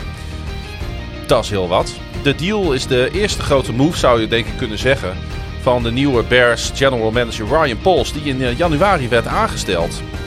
Um, kun je eens uitleggen waarom dit uh, goed nieuws is voor Chicago? Nou ja, uh, Mac heeft uh, afgelopen seizoen geloof ik zeven wedstrijden gespeeld uit mijn hoofd. En in die zeven wedstrijden speelde hij gemiddeld iets van 60 of, of 65 procent van de defensive snaps. Dus dat is al niet heel veel productie omdat hij nou, geblesseerd was. Het jaar daarvoor was hij, uh, was, was hij ook deels geblesseerd. Hij is, hij is gewoon heel lang. Hij was, in Las Vegas was hij eigenlijk, of toen was het natuurlijk nog Oakland, was hij altijd fit. 2018 was eigenlijk zijn enige echte goede seizoen. Ja, dat was het hele seizoen. Chicago, dat, waar die fit ja, was, hè? Dat, ja, hij heeft het hele seizoen gespeeld toen. Op één wedstrijd na, geloof ik. Ja, werd hij bijna Defensive Player of the Year zelfs. Ja, nou, zijn beste wedstrijd voor, eh, eh, voor de Bears was ook zijn eerste wedstrijd voor de Bears. Zat hij, zat hij net drie dagen erbij. Toen speelde hij meteen eh, de beste wedstrijd die hij eh, misschien wel uit zijn carrière. Ehm, daar heeft hij toen direct al alle props voor aan Brandon Staley gegeven. Die nu natuurlijk de hoofdcoach is in, bij de Chargers waar het naartoe Ja. gaat. Misschien dat dat een beetje meespeelt. Want hij zei toen al van, joh, die man heeft mij in drie dagen... Want die was toen eh, defensive line coach bij de, bij de, Ra- eh, bij de Ravens, bij de Bears. En ehm, ja, die- daar heeft hij toen direct heel veel, heel veel eh, compliment aan gegeven. Dus dat, dat, dat, dat, ja, daar zal echt wel respect in zijn. Maar voor Chicago is dit gewoon vooral goed nieuws. Ze besparen nu een, ja, een, vrij ja, een kleine, ik geloof 6 miljoen op de cap of zo dat dit scheelt Hmm. voor dit jaar. Dat, is, Dat is er zit wel dead money bij. Ehm, maar voor volgend jaar en ook het jaar erop scheelt het zo, eh, ik geloof 25, 30 miljoen op de cap. Dat zijn andere Want, want cijfers. het was een, een heel erg backloaded contract. Eh, Chicago die heeft nu, ja, het- ze hebben ondertussen wat andere free agency moves ook gemaakt, maar die hadden ergens rond de 46 miljoen beschikbaar aan cap space. Nou, dat is met dit zou dat eh, naar boven de 50 getild zijn. Maar voor volgend jaar bijvoorbeeld, na deze trade, zit ze geloof ik op ergens 130, 140 miljoen wat ze, wat ze alweer beschikbaar hebben. En eh, het Bears roster was niet het jongste in de league. Daar willen ze wel verjongen. Maar eh, ze willen ook niet een volledige rebuild doen in Chicago. Dat vinden ze ook zonde. Dus Ja. wat, wat ik zie in deze, in, deze, in deze trade is dat ze toch wat van die zware, eh, grote contracten die ze op de defense hadden. Want Chicago geeft altijd meer geld uit aan defense dan aan offense. Daar willen ze toch een beetje vanaf, eh, de nieuwe, nieuwe technisch kader. En eh, nou, hopelijk willen ze een beetje wat meer verplaatsen naar offense. Om Justin Fields wat beter te beschermen Precies. en wat wapens te geven. En eh, Maar het is op zich natuurlijk, eh, denk ik, een win-win situatie. Want ja, Chicago, die, eh, die, zijn, ja, die kunnen op dit moment daarmee doorschakelen. En, En- de Chargers, die waren natuurlijk Ja, op zoek die- naar hulp op die defensive Precies, line die- dramatisch samen met was. Joey Bosa. Ja, het sowieso dat, dat, dat die worden daar als, als, als zij zeg maar, als zij alleen al de productie, los van of dat een geld waard is, daar, daar kun je over discussiëren, maar dat, dat doen we dan maar even niet. Als, als ze de productie krijgen van Mac die Chicago de afgelopen, het afgelopen seizoen van Mac had, nou, zelfs dan hebben ze er al wat aan. Ze hopen natuurlijk op meer. Ehm, maar ja, ik, ik denk beide teams winnen hier gewoon eh, eh, ervan uitgaande dat Mac eh, Maar er moest, wat, fatsoenlijk er moest wat gebeuren in LA's. Die, zij eindigden namelijk 30ste in rushing defense in 2021. En ze stonden de hoogste conversion rate op third down in de NFL toen. 69% Dat is echt, echt, echt belachelijk zwak is dat. Dat hebben we natuurlijk ook allemaal gezien met, ons, Ja. eh, met onze blote ogen. Ehm, ja, eh, het wordt wel een lekkere combinatie, hè, denk ik. Mac en eh, pro bowler Joey Nou ja, Bosa. je, je, het wordt lastig om ze allebei te doubleteamen. Ja. Ja, dus in één klap wordt gewoon de defensive line van de Chargers sterker. Ja. En daar waren ze natuurlijk naar op zoek. Ja, en, en nou ja, En als je moet spelen tegen Mahomes, Russell Wilson en Derek Carr. nee, maar je hebt, ja, je hebt wat ik zeg, je met Mac en Bosa, jongen, dan heb je zo'n lekkere D-line. in. Ja. Ja, de- die, die, ja, de, de pass wordt gewoon een stuk beter. En, en de Bears hadden nou ja, zonder Mac eh, ook een hele, hele prima verdediging. Dus ja, die, het is niet zo dat, dat, dat, dat hij noodzakelijk is voor, eh, voor Chicago, maar zeker niet eh, voor het geld wat hij eh, moest kosten. Hey, we gaan het tempo wat omhoog schroeven, Pieter. We gaan eens even snel een aantal moves bij langs. Zodat we de belangrijkste toch even uitgepikt hebben. En ik wou beginnen in, in een van jouw favoriete steden, Nashville. Want er komen dikke dollars op tafel voor Titans Edge Harold Landry. Hij tekende namelijk een deal met een waarde van 87,5 miljoen dollar. Waarvan 52,5 miljoen gegarandeerd over de komende jaren. Je ziet sowieso dat er veel geld naar edge rushes gaat. Eh, de 25-jarige linebacker die heeft een eh, career best season achter de rug met 12 sacks. Hij werd in de draft van 2018 gekozen in de tweede ronde. En ja, wordt een van die, van die be- bepalende gezichten in die eh, Titans organisatie en verdediging. Cal van Nooy, gereleased door de Patriots. Ik denk eh, eh, voor heel veel mensen een van, een van die sympathieke spelers in de NFL. Uh, Hele herkenbare naam ook. Precies. De 30-jarige veteraan speelde zijn achtste seizoen en zijn vijfde voor de Patriots. Speelde gewoon 16 wedstrijden, noteerde 5 sacks, 1 interceptie. Met 66 gecombineerde tackles rankte hij als vierde overall voor de New England Patriots. In natuurlijk die hele goede defense. Moet wel zeggen, misschien werd hij iets uh, werd hij een beetje meegetrokken in dat algemene hoge niveau daar. Dat zou heel goed kunnen. Maar goed, nu nemen ze weer afscheid van hem. En ik wou toch even de naam van Jason Kelsey noemen. Want uh, hij heeft aangekondigd nog een jaartje voor de Philadelphia Eagles te spelen. Hij speelt al sinds 2011 voor dat team. Waar hij een Super Bowl won en vijf keer de Pro Bowl haalde. Ook zo'n likable speler, hè? Jason Kelsey. En uh, ja, er kwam er toch wel uh, eindelijk wat nieuws vanuit het uh, wide receiver front in, in Dallas, Pieter. Ja. Muziek erbij? Ach, waarom ook niet, hè? Want uh, de Dallas Cowboys die hebben een wide receiver Michael Gallup een nieuwe uh, deal gegeven. Vijf jaar en 62,5 miljoen dollar. Ook al wel echt, echt, echt veel geld hoor. Voor een, uh, nou ja, niet eens elite wide receiver, mag ik dat zeggen? Dat mag je zeggen. Um, Mart. Terugkeren van Gallup komt een dag nadat de Cowboys wide receiver Amari Cooper naar de Cleveland Browns traden. Een deal die overigens pas natuurlijk de 16e officieel wordt. Um, dus Gallup uh, verlengt en uh, Cooper, dat zal even wennen zijn. Jij dacht dat uh, Gallup bij New England terecht zou komen? Ja.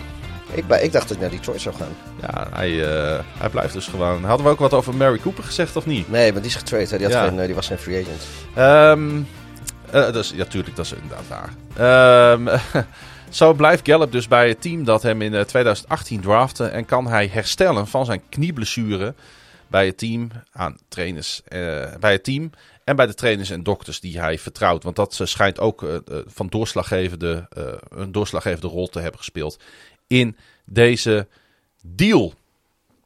En over de Browns gesproken. De Cleveland Browns die hebben wide receiver Jarvis Landry gereleased. En dat is dan wel weer logisch, omdat natuurlijk Amari Cooper die kant op gaat. zo zijn er her en der wat, wat verschuivingen. Um, ja. en dan is er één release. Niemand voelt hem waarschijnlijk aankomen. Maar daar wou ik het toch even over hebben. A.T. Klein. Ken je oh, hem nog? Ja, voormalig Who's That Man. Precies, voormalig Who's That Man. Dus ik wou hem er toch even uitpikken. Het was maar een klein berichtje wat ik tegenkwam op de diverse sites. Maar uh, ja, het riep bij mij toch echt wel de nodige emoties op. Want voormalig Iowa State... Ja, ja linebacker A.T. Klein is gereleased door de Bills. Volgens mij was hij uh, de Who's That Man in onze Thanksgiving-uitzending. De eerste Thanksgiving-uitzending. Ja, en hij werd dan ook door Frankie uh, besproken. Ja. Hij was door Frank aangedragen. Ja, toen ging ik naar de wc. Heb ik, heb ik nieuw bier gehaald. Was in, was in het proeflokaal. Ja, het is, is wel een logische keuze aangezien Klein een, uh, nou, een rotatie linebacker is en het de Bills 5 miljoen in cap space oplevert. Uh, ik was ook nog wat nieuws uh, te melden vanuit uh, de Baltimore Ravens. Want uh, Alejandro Villanueva stopt met uh, voetbal. Hij speelde zes jaar lang voor de Pittsburgh Steelers, waar hij ook twee keer de Pro Bowl haalde. Vorige offseason was er opeens de verrassende move naar Baltimore. Al hadden die natuurlijk wel een tackle nodig, omdat toen Orlando Brown Jr. opeens naar Kansas City vertrok. Hij speelde afgelopen seizoen alle wedstrijden. De één beter dan de ander. Uh, in de Dutch Ravens uh, uh, groep, kan ik je vertellen, werd opgelucht adem gehaald toen bekend wordt dat Villanueva met pensioen ging. Want er was, het was niet altijd even goed. Het was een hele sympathieke gast. daar staat hij ook echt wel onbekend. wat, wat harder aankwam, denk ik, in, in Baltimore was de release van veteran cornerback Tevin Young. Dat zal geen makkelijke keuze zijn geweest voor de Costa. Zelfs al is hij voorspelbaar, want Jong is regelmatig geblesseerd en het zou de Ravens in zijn laatste contractjaar 9,1 miljoen hebben gekost. Dus uh, geen Teven Jong in Baltimore. Dat, is, uh, dat wordt wel even wennen. En uh, wat dacht je van uh, Corey Littleton bij de Raiders? Ja, dat is niet zo verrassend, toch? Nee, want wat heeft hij dramatisch, dramatisch voetbal gespeeld de afgelopen twee jaar? Uh, was echt, uh, toen hij van de Rams naar de Raiders ging, was hij toch echt... een halve uh, sec in 27 wedstrijden hoor. Een halve sec inderdaad. ja, dat is toch verschrikkelijk. Eén fumble recovery in, in, in 27 wedstrijden. Nee, ehm, weg ermee, Corey Littleton. Ik vraag me ook af of, of hij nog ergens weer aan de bak komt. Het zal wel. Maar hij is natuurlijk niet met de Corey Littleton van, van de Rams. Hij is toch wel zo'n typische speler. Uh, in de NFL zie je wel vaker die het gewoon drie, vier jaar op topniveau volhoudt. En daarna houdt het al een ja, beetje soms weer op. Die, uh, ja, soms jongen, die, die cliff waar je in één keer vanaf sodemieten, die komt soms, die doemt in één keer op en dat gaat soms heel snel. Ja. Weet je aan wie die zijn uh, basisplek verspeelde, deze Littleton? Nee. Ken je hem nog? Divine Diablo. Oh. Dat we vanuit onze draft. Uh... Dat was zo'n zo'n speler in de draft. Ja, die heilige duivel. Ja, die ons opviel vanwege zijn naam.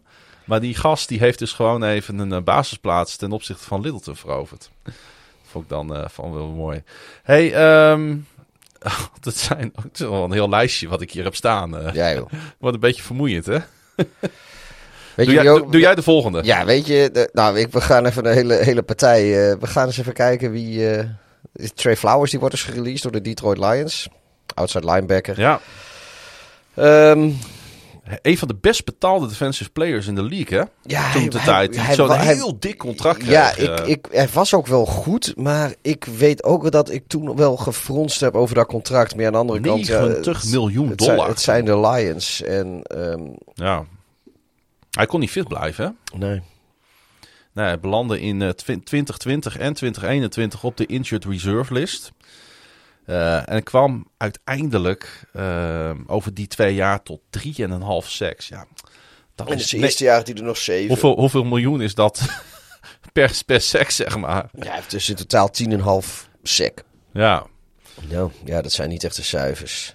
Nee, nee, dit is wel een beetje een soort van mis... Uh, dit is een misser geweest hè, voor Detroit. Ja. Nou ja, goed. Volgende. Zach Ertz heeft bijgetekend, of Ja. uh, verlengd in, uh, in Glendale bij, bij de Arizona Cardinals. Wat vind je van eh Zach Ertz? Ja, weet je, het is een stabiele factor, weet je. Het is, hij gaat je fantasy eh, league niet winnen voor je. Eh, je NFL-wedstrijd op een goede dag misschien wel. nou, Eh, op een goede dag zeker wel. Hij ving in die Super Bowl eh, eh, voor de Eagles de game-winning touchdown, weet je dat nog? ja, nee, maar goed, dat is ondertussen ook vier jaar geleden. I know. Maar eh, dus op een goede dag eh, de wedstrijd voor je winnen is een beetje een understatement. Juist in zijn geval. Ja, nee, eh, nee daar- maar daarom zeg ik het. Weet je, op een goede dag doet hij het in de NFL wel. Ehm, maar ja, weet je, hij, hij kan het nog steeds. Hij, hij speelde prima vorig jaar voor de, in de nou, elf wedstrijden heeft hij dan maar gespeeld. Hmm. Maar ja, Nou, sterker nog, hij evenaarde het Cardinals single season Ja. record voor catches in die elf wedstrijden. top 10, eh, top 10 tight end wat betreft eh, receiving yards. Ik vind het een typische tight end voor de Cardinals. Ja. Ja, ik vind, het, eh, ik vind, ik vind die, die shit daar prima, joh. Die natuurlijk niet echt bekend stond de laatste tien jaar om hun top tight ends. Ja, Hey, er was goed nieuws denk ik ook voor Chicago. ja hadden we net Ik al- weet niet of je het goed nieuws vond. Ja, ik, ik, vind het, ik vind het prima nieuws. Defensive tackle eh, Larry Okunjobi. Die gaat voor drie jaar en 40,5 miljoen dollar, waarvan iets meer dan eh, 26 gegarandeerd tekenen in Chicago. Noteerde afgelopen seizoen een career high 7 sacks en was daarmee statistisch gezien een van de beste interior linemen in de league. Eh, misschien dat hij ook een beetje meevaarde natuurlijk op het algehele hoge niveau van de Bengals. Ehm, hij miste trouwens de Super Bowl, hè, omdat hij in die wildcard overwinning op de Las Vegas Raiders een season-ending voetblessure opliep. Maar ik denk dat dit wel het type speler is wat, eh, wat eh, in Chicago die, die line eh, wat meer stabiliteit gaat Ja, geven. nou goed, ik, ik denk dat, dat, dat nou volgens mij Eddie Goldman, die hebben ze al laten gaan in Chicago. En het zal mij verbazen als Akeem Hicks in september nog, nog aan de start verschijnt voor, het, voor een nieuw Bears seizoen. Ik hoop het wel in de zin van dat ik het een hele, hele fijne speler vind. Maar eh, ja, zeker nu ze ook een Joby gehaald hebben, ehm, denk ik dat eh, de kansen voor Akeem Hicks ook eh, kleiner worden. Dat, en ja, ook dit is een, een deal. Het is wel veel geld, maar als je dan ziet wat, wat de andere spelers die ze, die ze hebben laten gaan, Mac bijvoorbeeld, die Mhm. nu wegverhuisd is, Goldman die ze, die ze gecut hebben en, of gereleased hebben. Ja, dan, dan gaan ze er gewoon weer op vooruit. En kwalitatief gaan ze niet per se op achteruit. Dus dit is, Nee. eh, ik vind het prima move. En het zegt mij ook wel dat ze dus dit is ook een van die moves waar ik net al een beetje aan refereerde. Dat ze niet, uh, ze zijn niet aan het rebuilden of zo. Ze zijn niet aan het, ze gaan ook niet tanken. Ze zijn gewoon uh, uh, ja, een soft rebuild, zoals dat Nou ze mooi noemen. Ze, ik denk, ze zijn bezig met. Ze eh, zijn aan het doorschakelen. Ja, en, en de, de, Aan het de- vernieuwen. ja, en, en de, de, het zwaartepunt, denk ik, van de, van de cap space, eh, of van, van de gespendeerde salary eh, cap, die zal, de nadruk zal meer richting de, de offense eh, gaan verschuiven. En hetzelfde zie je eigenlijk een beetje bij de Bengals. Hè? Want die haalden dan weer Tampa Bay Buccaneers voor je agent guard. Alex Kappa binnen. Hij tekent voor vier Ja, jaar. Dat is ook wel nodig. Ja, hij tekent voor 4 jaar en 40 miljoen dollar. Is daarmee de eerste broodnodige versterking voor een O-line die quarterback Joe Burrow natuurlijk beter moet gaan beschermen dan de afgelopen seizoenen. Burrow werd in totaal al 70 keer gesekt in zijn eh, relatief korte loopbaan, waarvan 7 in de Super Bowl nederlaag tegen de LA Rams. Andere grote naam in de NFL is toch eh, echt wel Washington Commanders guard Brandon Scherf. Eh, we hebben het regelmatig ook over hem gehad. Niet, eh, niet per se van mensen de favoriete speler.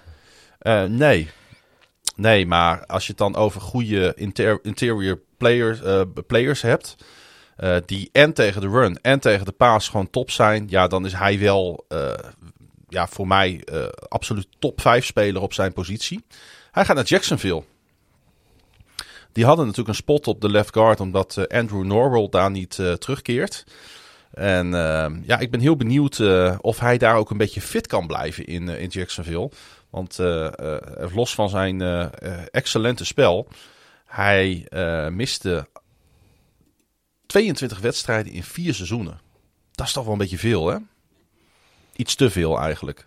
Ja, en daarna twee jaar franchise tag. Weer iemand die twee jaar onder de franchise tag Ja. gespeeld heeft. Ja, ze kregen geen deal met hem rond en nu zijn ze een van hun beste spelers kwijt. Ja. Nou ja, het is. eh, het wordt in Washington wel een moeilijk verhaal, denk ik, eh, komend jaar. Als je zelfs eh, je betere spelers niet kan, kan vasthouden. Over betere spelers gesproken. Dit is echt, en dit vind ik echt. Nou, ik denk dat dit, dit, Ja? dit zou maar zo eens iets kunnen zijn waar, waarvan ze in Washington gewoon zegt, is wel goed. Kijk, als die... als je ziet dat ze twee keer een franchise tag gegeven hebben, Mhm. dan zal die, de, die tweede, de eerste keer is het volgens mij eh, eh, het gemiddelde salaris van de top drie of de top vijf van de spelers op je positie. Maar als je de tweede keer tagt, is volgens mij 120% van dat salaris. Maar dat Eh, is hij wel waard. Nou, niet als hij dus de halve tijd niet beschikbaar is. En waarschijnlijk staat. Ik, ik kan me heel goed voorstellen dat de commanders zeiden van luister, we, we zetten er wat meer incentives in en we maken wat minder gegarandeerd geld. Want je speelt de halve tijd niet. En hij wil natuurlijk juist, omdat hij de halve tijd niet speelt, eh, wat meer gegarandeerd geld hebben. En ja, dan, dan kom je in een impasse. En wat dat betreft, eh, eh, denk ik dat na twee keer franchise taggen hebben ze dus 24 maanden lang hebben ze kunnen, kunnen soebatten over hoe die deal eruit moet zien. Nou, dat zegt de vier jaar voordat de eerste franchise tag ging, heeft hij dus 22 wedstrijden gemist in, eh, in vier seizoenen. Dat is dus, dus, dus vier, of sorry, dat is vijf wedstrijden, meer dan vijf wedstrijden per seizoen gemiddeld. Ze speelden er maar elf. Ja, dat. Ik, ik, ik snap wel dat dan, dan ga je niet betalen alsof je de beste speler op je positie in de league bent. Nee, want en, de eh, best ability is availability. La la la la la. Dat is waar. En toch snap ik hem vanuit Jacksonville wel. Want daar zijn ze nu op dit moment. Dat is duidelijk wat ze aan het doen zijn. Ze zijn die O-line aan het, aan het vol boosteren. Ja, ja, en mits fit eh, zijn gaat, gaan, gaan dit soort spelers natuurlijk echt wat doen voor, eh, voor Trevor Lawrence. Over goede spelers gesproken. De New York Jets. En dit, eh, dit kwam vandaag binnen. En ja, hier word ik heel erg vrolijk van, van deze deal voor de Jets. Die eh hadden namelijk Laken Tomlinson binnen. Hij zal er voor drie jaar en 40 miljoen tekenen. Tomlinson, ja, misschien wel het belangrijkste onderdeel eh, van dat offensieve succes van afgelopen seizoen in San Francisco. Ontwikkelde zich, vond ik in ieder geval, tot een van de beste interior linemen in de league. Eh, en hij was de enige 49er die alle offensive snaps op het veld stond. Alle 1091. En als jij het dan over availability hebt, nou hier heb je hem. Laken Tomlinson. Van onschatbare waarde voor de 49ers. En die gaat, die gaat echt wat doen voor die, voor die Jets offense. Ja. Eh, dat, dat kan niet anders. Want wat ze in Jacksonville aan het doen zijn... Ja, dat moeten ze natuurlijk in New York ook doen voor hun, eh, eh, voor hun jonge quarterback. Hè? Dat is een beetje hetzelfde verhaal. Is er nog laatste nieuws, Pieter? Voordat we zo Nou ja, gaan ik, afronden. ik, ik zei net dat, dat de Bears Eddie Goldman waarschijnlijk gingen release. Hebben ze net gedaan. Oh. ik zie hem toevallig langskomen. Dat is ook meteen de laatste speler uit de 2015 draft class die überhaupt nog onder contract stond in Chicago. Dus Ja. daar is niks meer van over. Moesten we het nog over Kirk, Cos- of, eh, Kirk Cousins, eh, Christian Kirk hebben? dat, dat, eh, daar hebben we het volgens mij nog niet over gehad, hè? Hadden we het voor de aflevering even over. Jij vond dat hij zoveel geld kreeg. eh. Oh ja, ja, ja. Ik heb dat volgens mij. eh, ja, wat. En ik eh, zie Gerjon Brinkman, een van onze luisteraars, nu ook twitteren. Welke gek zit daar aan het roer?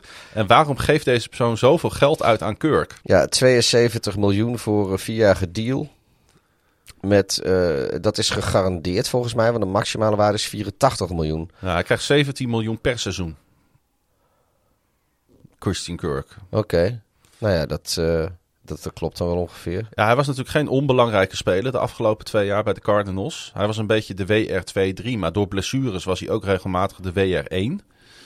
2, zeg maar. Ehm, ja, ze zijn natuurlijk bij de Jaguars wel op zoek hè, naar een, een, een wide receiver die, ja, om het zo maar even te zeggen, de volle breedte van het veld kan benutten. Want daar eh, scheelt het natuurlijk nogal aan. Trevor Lawrence heeft op zich het bereik wel. Alleen het probleem is dat, dat hij geen mensen had om die ballen daadwerkelijk ook af te leveren. Ehm, maar is Christian Kirk nou de oplossing voor, eh, voor Jacksonville, Pieter? Of eh, mogen we hier ernstig onze twijfels eh, bij hebben? Ik, weet je, ik denk dat die Kirk, dat, dat ze daar best wel wat aan kunnen hebben in Jacksonville. Maar Mhm. ik, ik denk niet dat hij dit geld waard is. Aan de andere kant, weet je, eh, de, de, de, de, de Jaguars die hebben cap space to burn, om het zo maar te zeggen. Dus als zij, eh, als zij wat meer willen betalen om er zeker van te zijn dat ze een bepaalde speler krijgen. En ook al overpayen ze hem dan.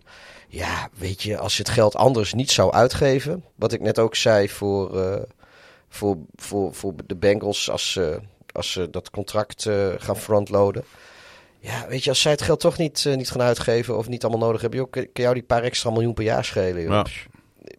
Ik, ja, ik, ik snap het wel hoor, want eh, dat, ik, ik snap de kritieken wel.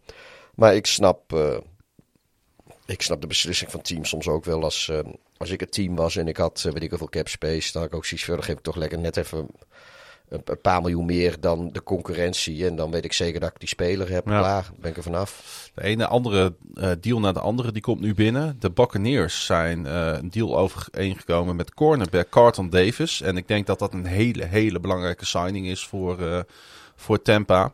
Ja, voordat het nieuws van Tom Brady binnenkwam, leek het zeer onwaarschijnlijk dat Davis in Tampa zou blijven.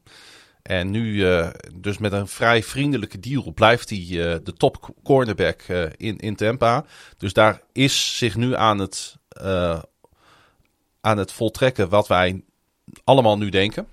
Namelijk, die klas gaat gewoon weer bij elkaar komen voor een groot deel.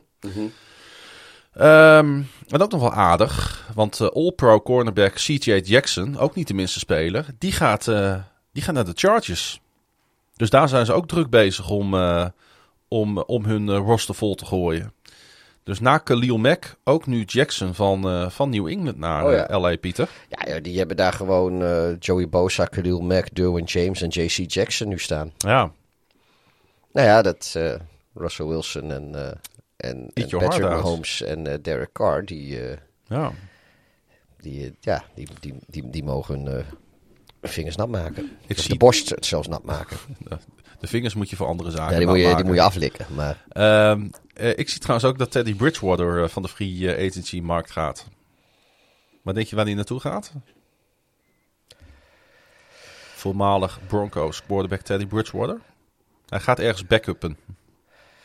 is het Vikings-legende Teddy Bridgewater gaat backuppen bij... Ook bij de Buccaneers? Nee, hij gaat naar Miami. Nou, hij zag in ieder geval eh, vrij dichtbij, geografisch. Kan natuurlijk heel goed, hè? Hey, eh, laatste berichtje wat ik nog even... Over de Miami Dolphins gesproken trouwens. Die hebben eh, flink geld uitgegeven voor hun defensive end. Emmanuel Okba. Die hebben ze geresigned voor 65 miljoen. Alsof het niks Oh. is. Eh, over eh Deshaun Watson's next destination Ja. zou het laatste nieuws nu zijn. He rejected everybody but Carolina en New Orleans. Dus het wordt inderdaad de NFC South. Het Ja. worden de Panthers of de Saints. Alle Nou. andere teams schijnen eh, niet meer op de radar van Watson te staan of andersom. Uh, we gaan het uh, in de gaten houden. En waarschijnlijk als we deze podcast zo meteen online gooien, dan komt het grote nieuws naar buiten. Dat zul je altijd zien. Nou, als jij dan Panthers zegt, zeg ik Saints, hebben we dat alvast gehad. Oké. Okay. hey, allerlaatste nieuwtje dan, voordat we gaan afsluiten, gaat over Jeff Gladney. Ken je zijn naam nog? Nee. Uh, voormalig Minnesota Vikings cornerback Jeff Gladney is namelijk niet schuldig bevonden voor geweldpleging. De nu 25-jarige Gladney werd april 2021 gearresteerd voor het verondersteld mishandelen van een ex-vriendin. Bij veroordeling had hij tot 10 jaar de cel in kunnen draaien. Nou, wat gebeurde er? De Vikings releaseden deze Gladney afgelopen augustus nadat hij werd aangeklaagd. Was niet zomaar de eerste beste speler, want hij was namelijk de eerste ronde pick van de draft in 2020. Hij speelde ook als rookie 15 wedstrijden. Ja, en uh, een woordvoerder liet weten dat uh, Gladney uh, het ongelooflijk gemist heeft. En ze zien uit naar teams die interesse in hem hebben. Nou, er is, zal toch vast wel een team die een voormalig eerste ronde pick die vrijgesproken is wil oppak, oppakken op deze positie. Hè? Nou ja, als de Sean Watson aan de bak komt, waar hij ook eens Dan komt deze Jeff Gladney ook, ook wel aan de bak. Hè? Ja. Hey, komt onze grote vriend nog, nog naar Nederland voor een concert? Ik hoop het. Maar uh, ik heb er een zware hoofd in. Maar ja, nu de, nu de coronings uh, een beetje... Hoewel, iedereen uh, wordt tegenwoordig maar ziek. Maar de maatregelen worden minder en minder. Dus nog even en hij kan gewoon hierheen komen. Onze eigen Zack Miller. Zou hij gevaccineerd zijn? Ja, geen idee. Lijkt wel zo'n type die dat niet doet. Aan de andere kant, hij vaccineert die meisjes op de achterbank ook maar al te graag. Slide hem ook even in. Hey, uh, ik zag dat onze, een van onze vaste luisteraars, Niels Habraak, bij zo'n country uh, ja, festival in Londen, in Londen is. Ja. Hoe heet het ook alweer? C, C, uh, country to country? country C2C? Ja, C2C. Ik dacht, waarom staat hij daar niet? Waarom staat Zack Miller niet in Londen? Maar daar is hij niet. Is daar nog niet groot genoeg voor? Ik denk dat hij daar niet groot genoeg voor Nee. is. Het is ook, als je eerlijk bent, het is, ook, eh, het is wel een beetje country muziek. Maar dat maakt niet uit, daar houden wij wel van. Het is, een lift, het is country muziek voor in de lift. Ik denk dat we toch een keer contact moeten opnemen met uh, de programmeur van Vera of zo. Ja. Platformtheater. Ja, laten we gewoon lekker komen. Sim- proeflokaal Hooghout. Simplon. Ja, precies. Nou, het is ook wel weer genoeg geweest voor vandaag.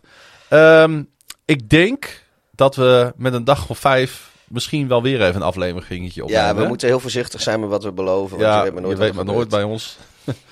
Zijn we weer te brak Ja, we- of te ziek. Er komt, vast, eh, er komt vast weer een nieuwe podcast. Dit is, eh, we kunnen we denk ik wel beloven dat dit eh, niet de laatste was. Nou, ik hoop dat ik niks Wel voor dit seizoen. Ik hoop, ja, wel voor dit seizoen. Want de volgende aflevering... ja, het is Dat kunnen, we, ongelooflijk. dat kunnen we vast verklappen. Dat wordt seizoen Seizoen 3, drie. aflevering 1 gaat dat worden. Ja, daar ben ik ook wel weer een beetje trots op. Dat we ons derde seizoen ingaan. Dat we het zo lang met elkaar volhouden. Ondanks eh, al onze beslommeringen. Ik, zo, ik, ik- ja, ik, verbaas mezelf nog iedere dag. Pieter, in de tussentijd eh, moeten mensen ons natuurlijk steunen. Ja, petje, eh wat we zetten onze pe- petje afnemen op nflopwoensdag.nl. Je kunt gewoon naar nflopwoensdag.nl en dan kun je een paar eurotjes per maand doneren. En dan, ja, dan, dan steun je ons. Ja. Gaan we ook weer even nadenken over extra content. Want nu we ja, de voorspellingspodcast niet meer hebben, eh, moeten we ook wel even wat voor onze leden bedenken. Moeten we even over vergaderen. Ja, ja, dat gaan we ook doen. gaan we ook doen. Eh, wil je ons volgen op de socials? Dan kan dat via Ed Klaasje Grun, dubbel A, dubbel S, dubbel N. of via @darf laag streepje hideous. Volg ook eh, KVM Media. Kijk eens op kvmmedia.nl. Wij Luister naar andere volgen- podcasts. Ja, en wij zijn ook te gewoon te volgen als eh apenstaartje NFL op woensdag. Zeker. En, eh, Op de Insta's en de Twitters. en mocht je natuurlijk zin hebben, dan kun je komende zaterdag 19 maart kun je vanaf een uurtje of eh, half acht, acht uur melden bij Proeflokaal Hooghout. En, Gedempte Zuiderdiep 61 in het Groningse stadje G. de kans is zomaar aanwezig dat het jij, ik en Mark Posma is. ik weet dat Ken het ook komt. Nou ja, gezellig. Dus we zitten sowieso al met z'n vieren. Ehm, we zijn er weer wanneer we er zijn. Waarschijnlijk komend weekend. En anders niet. En anders wel. Je ziet het wel op onze socials. Ja, hou het in de gaten. Heb je nog iets toe te voegen aan deze nu al legendarische aflevering? Nee, ik, eh, ik ben blij dat, we, dat hij erop zit. Wil ik iedereen bedanken voor het luisteren naar seizoen 2, aflevering 40 van NFL op woensdag. Beste mooie.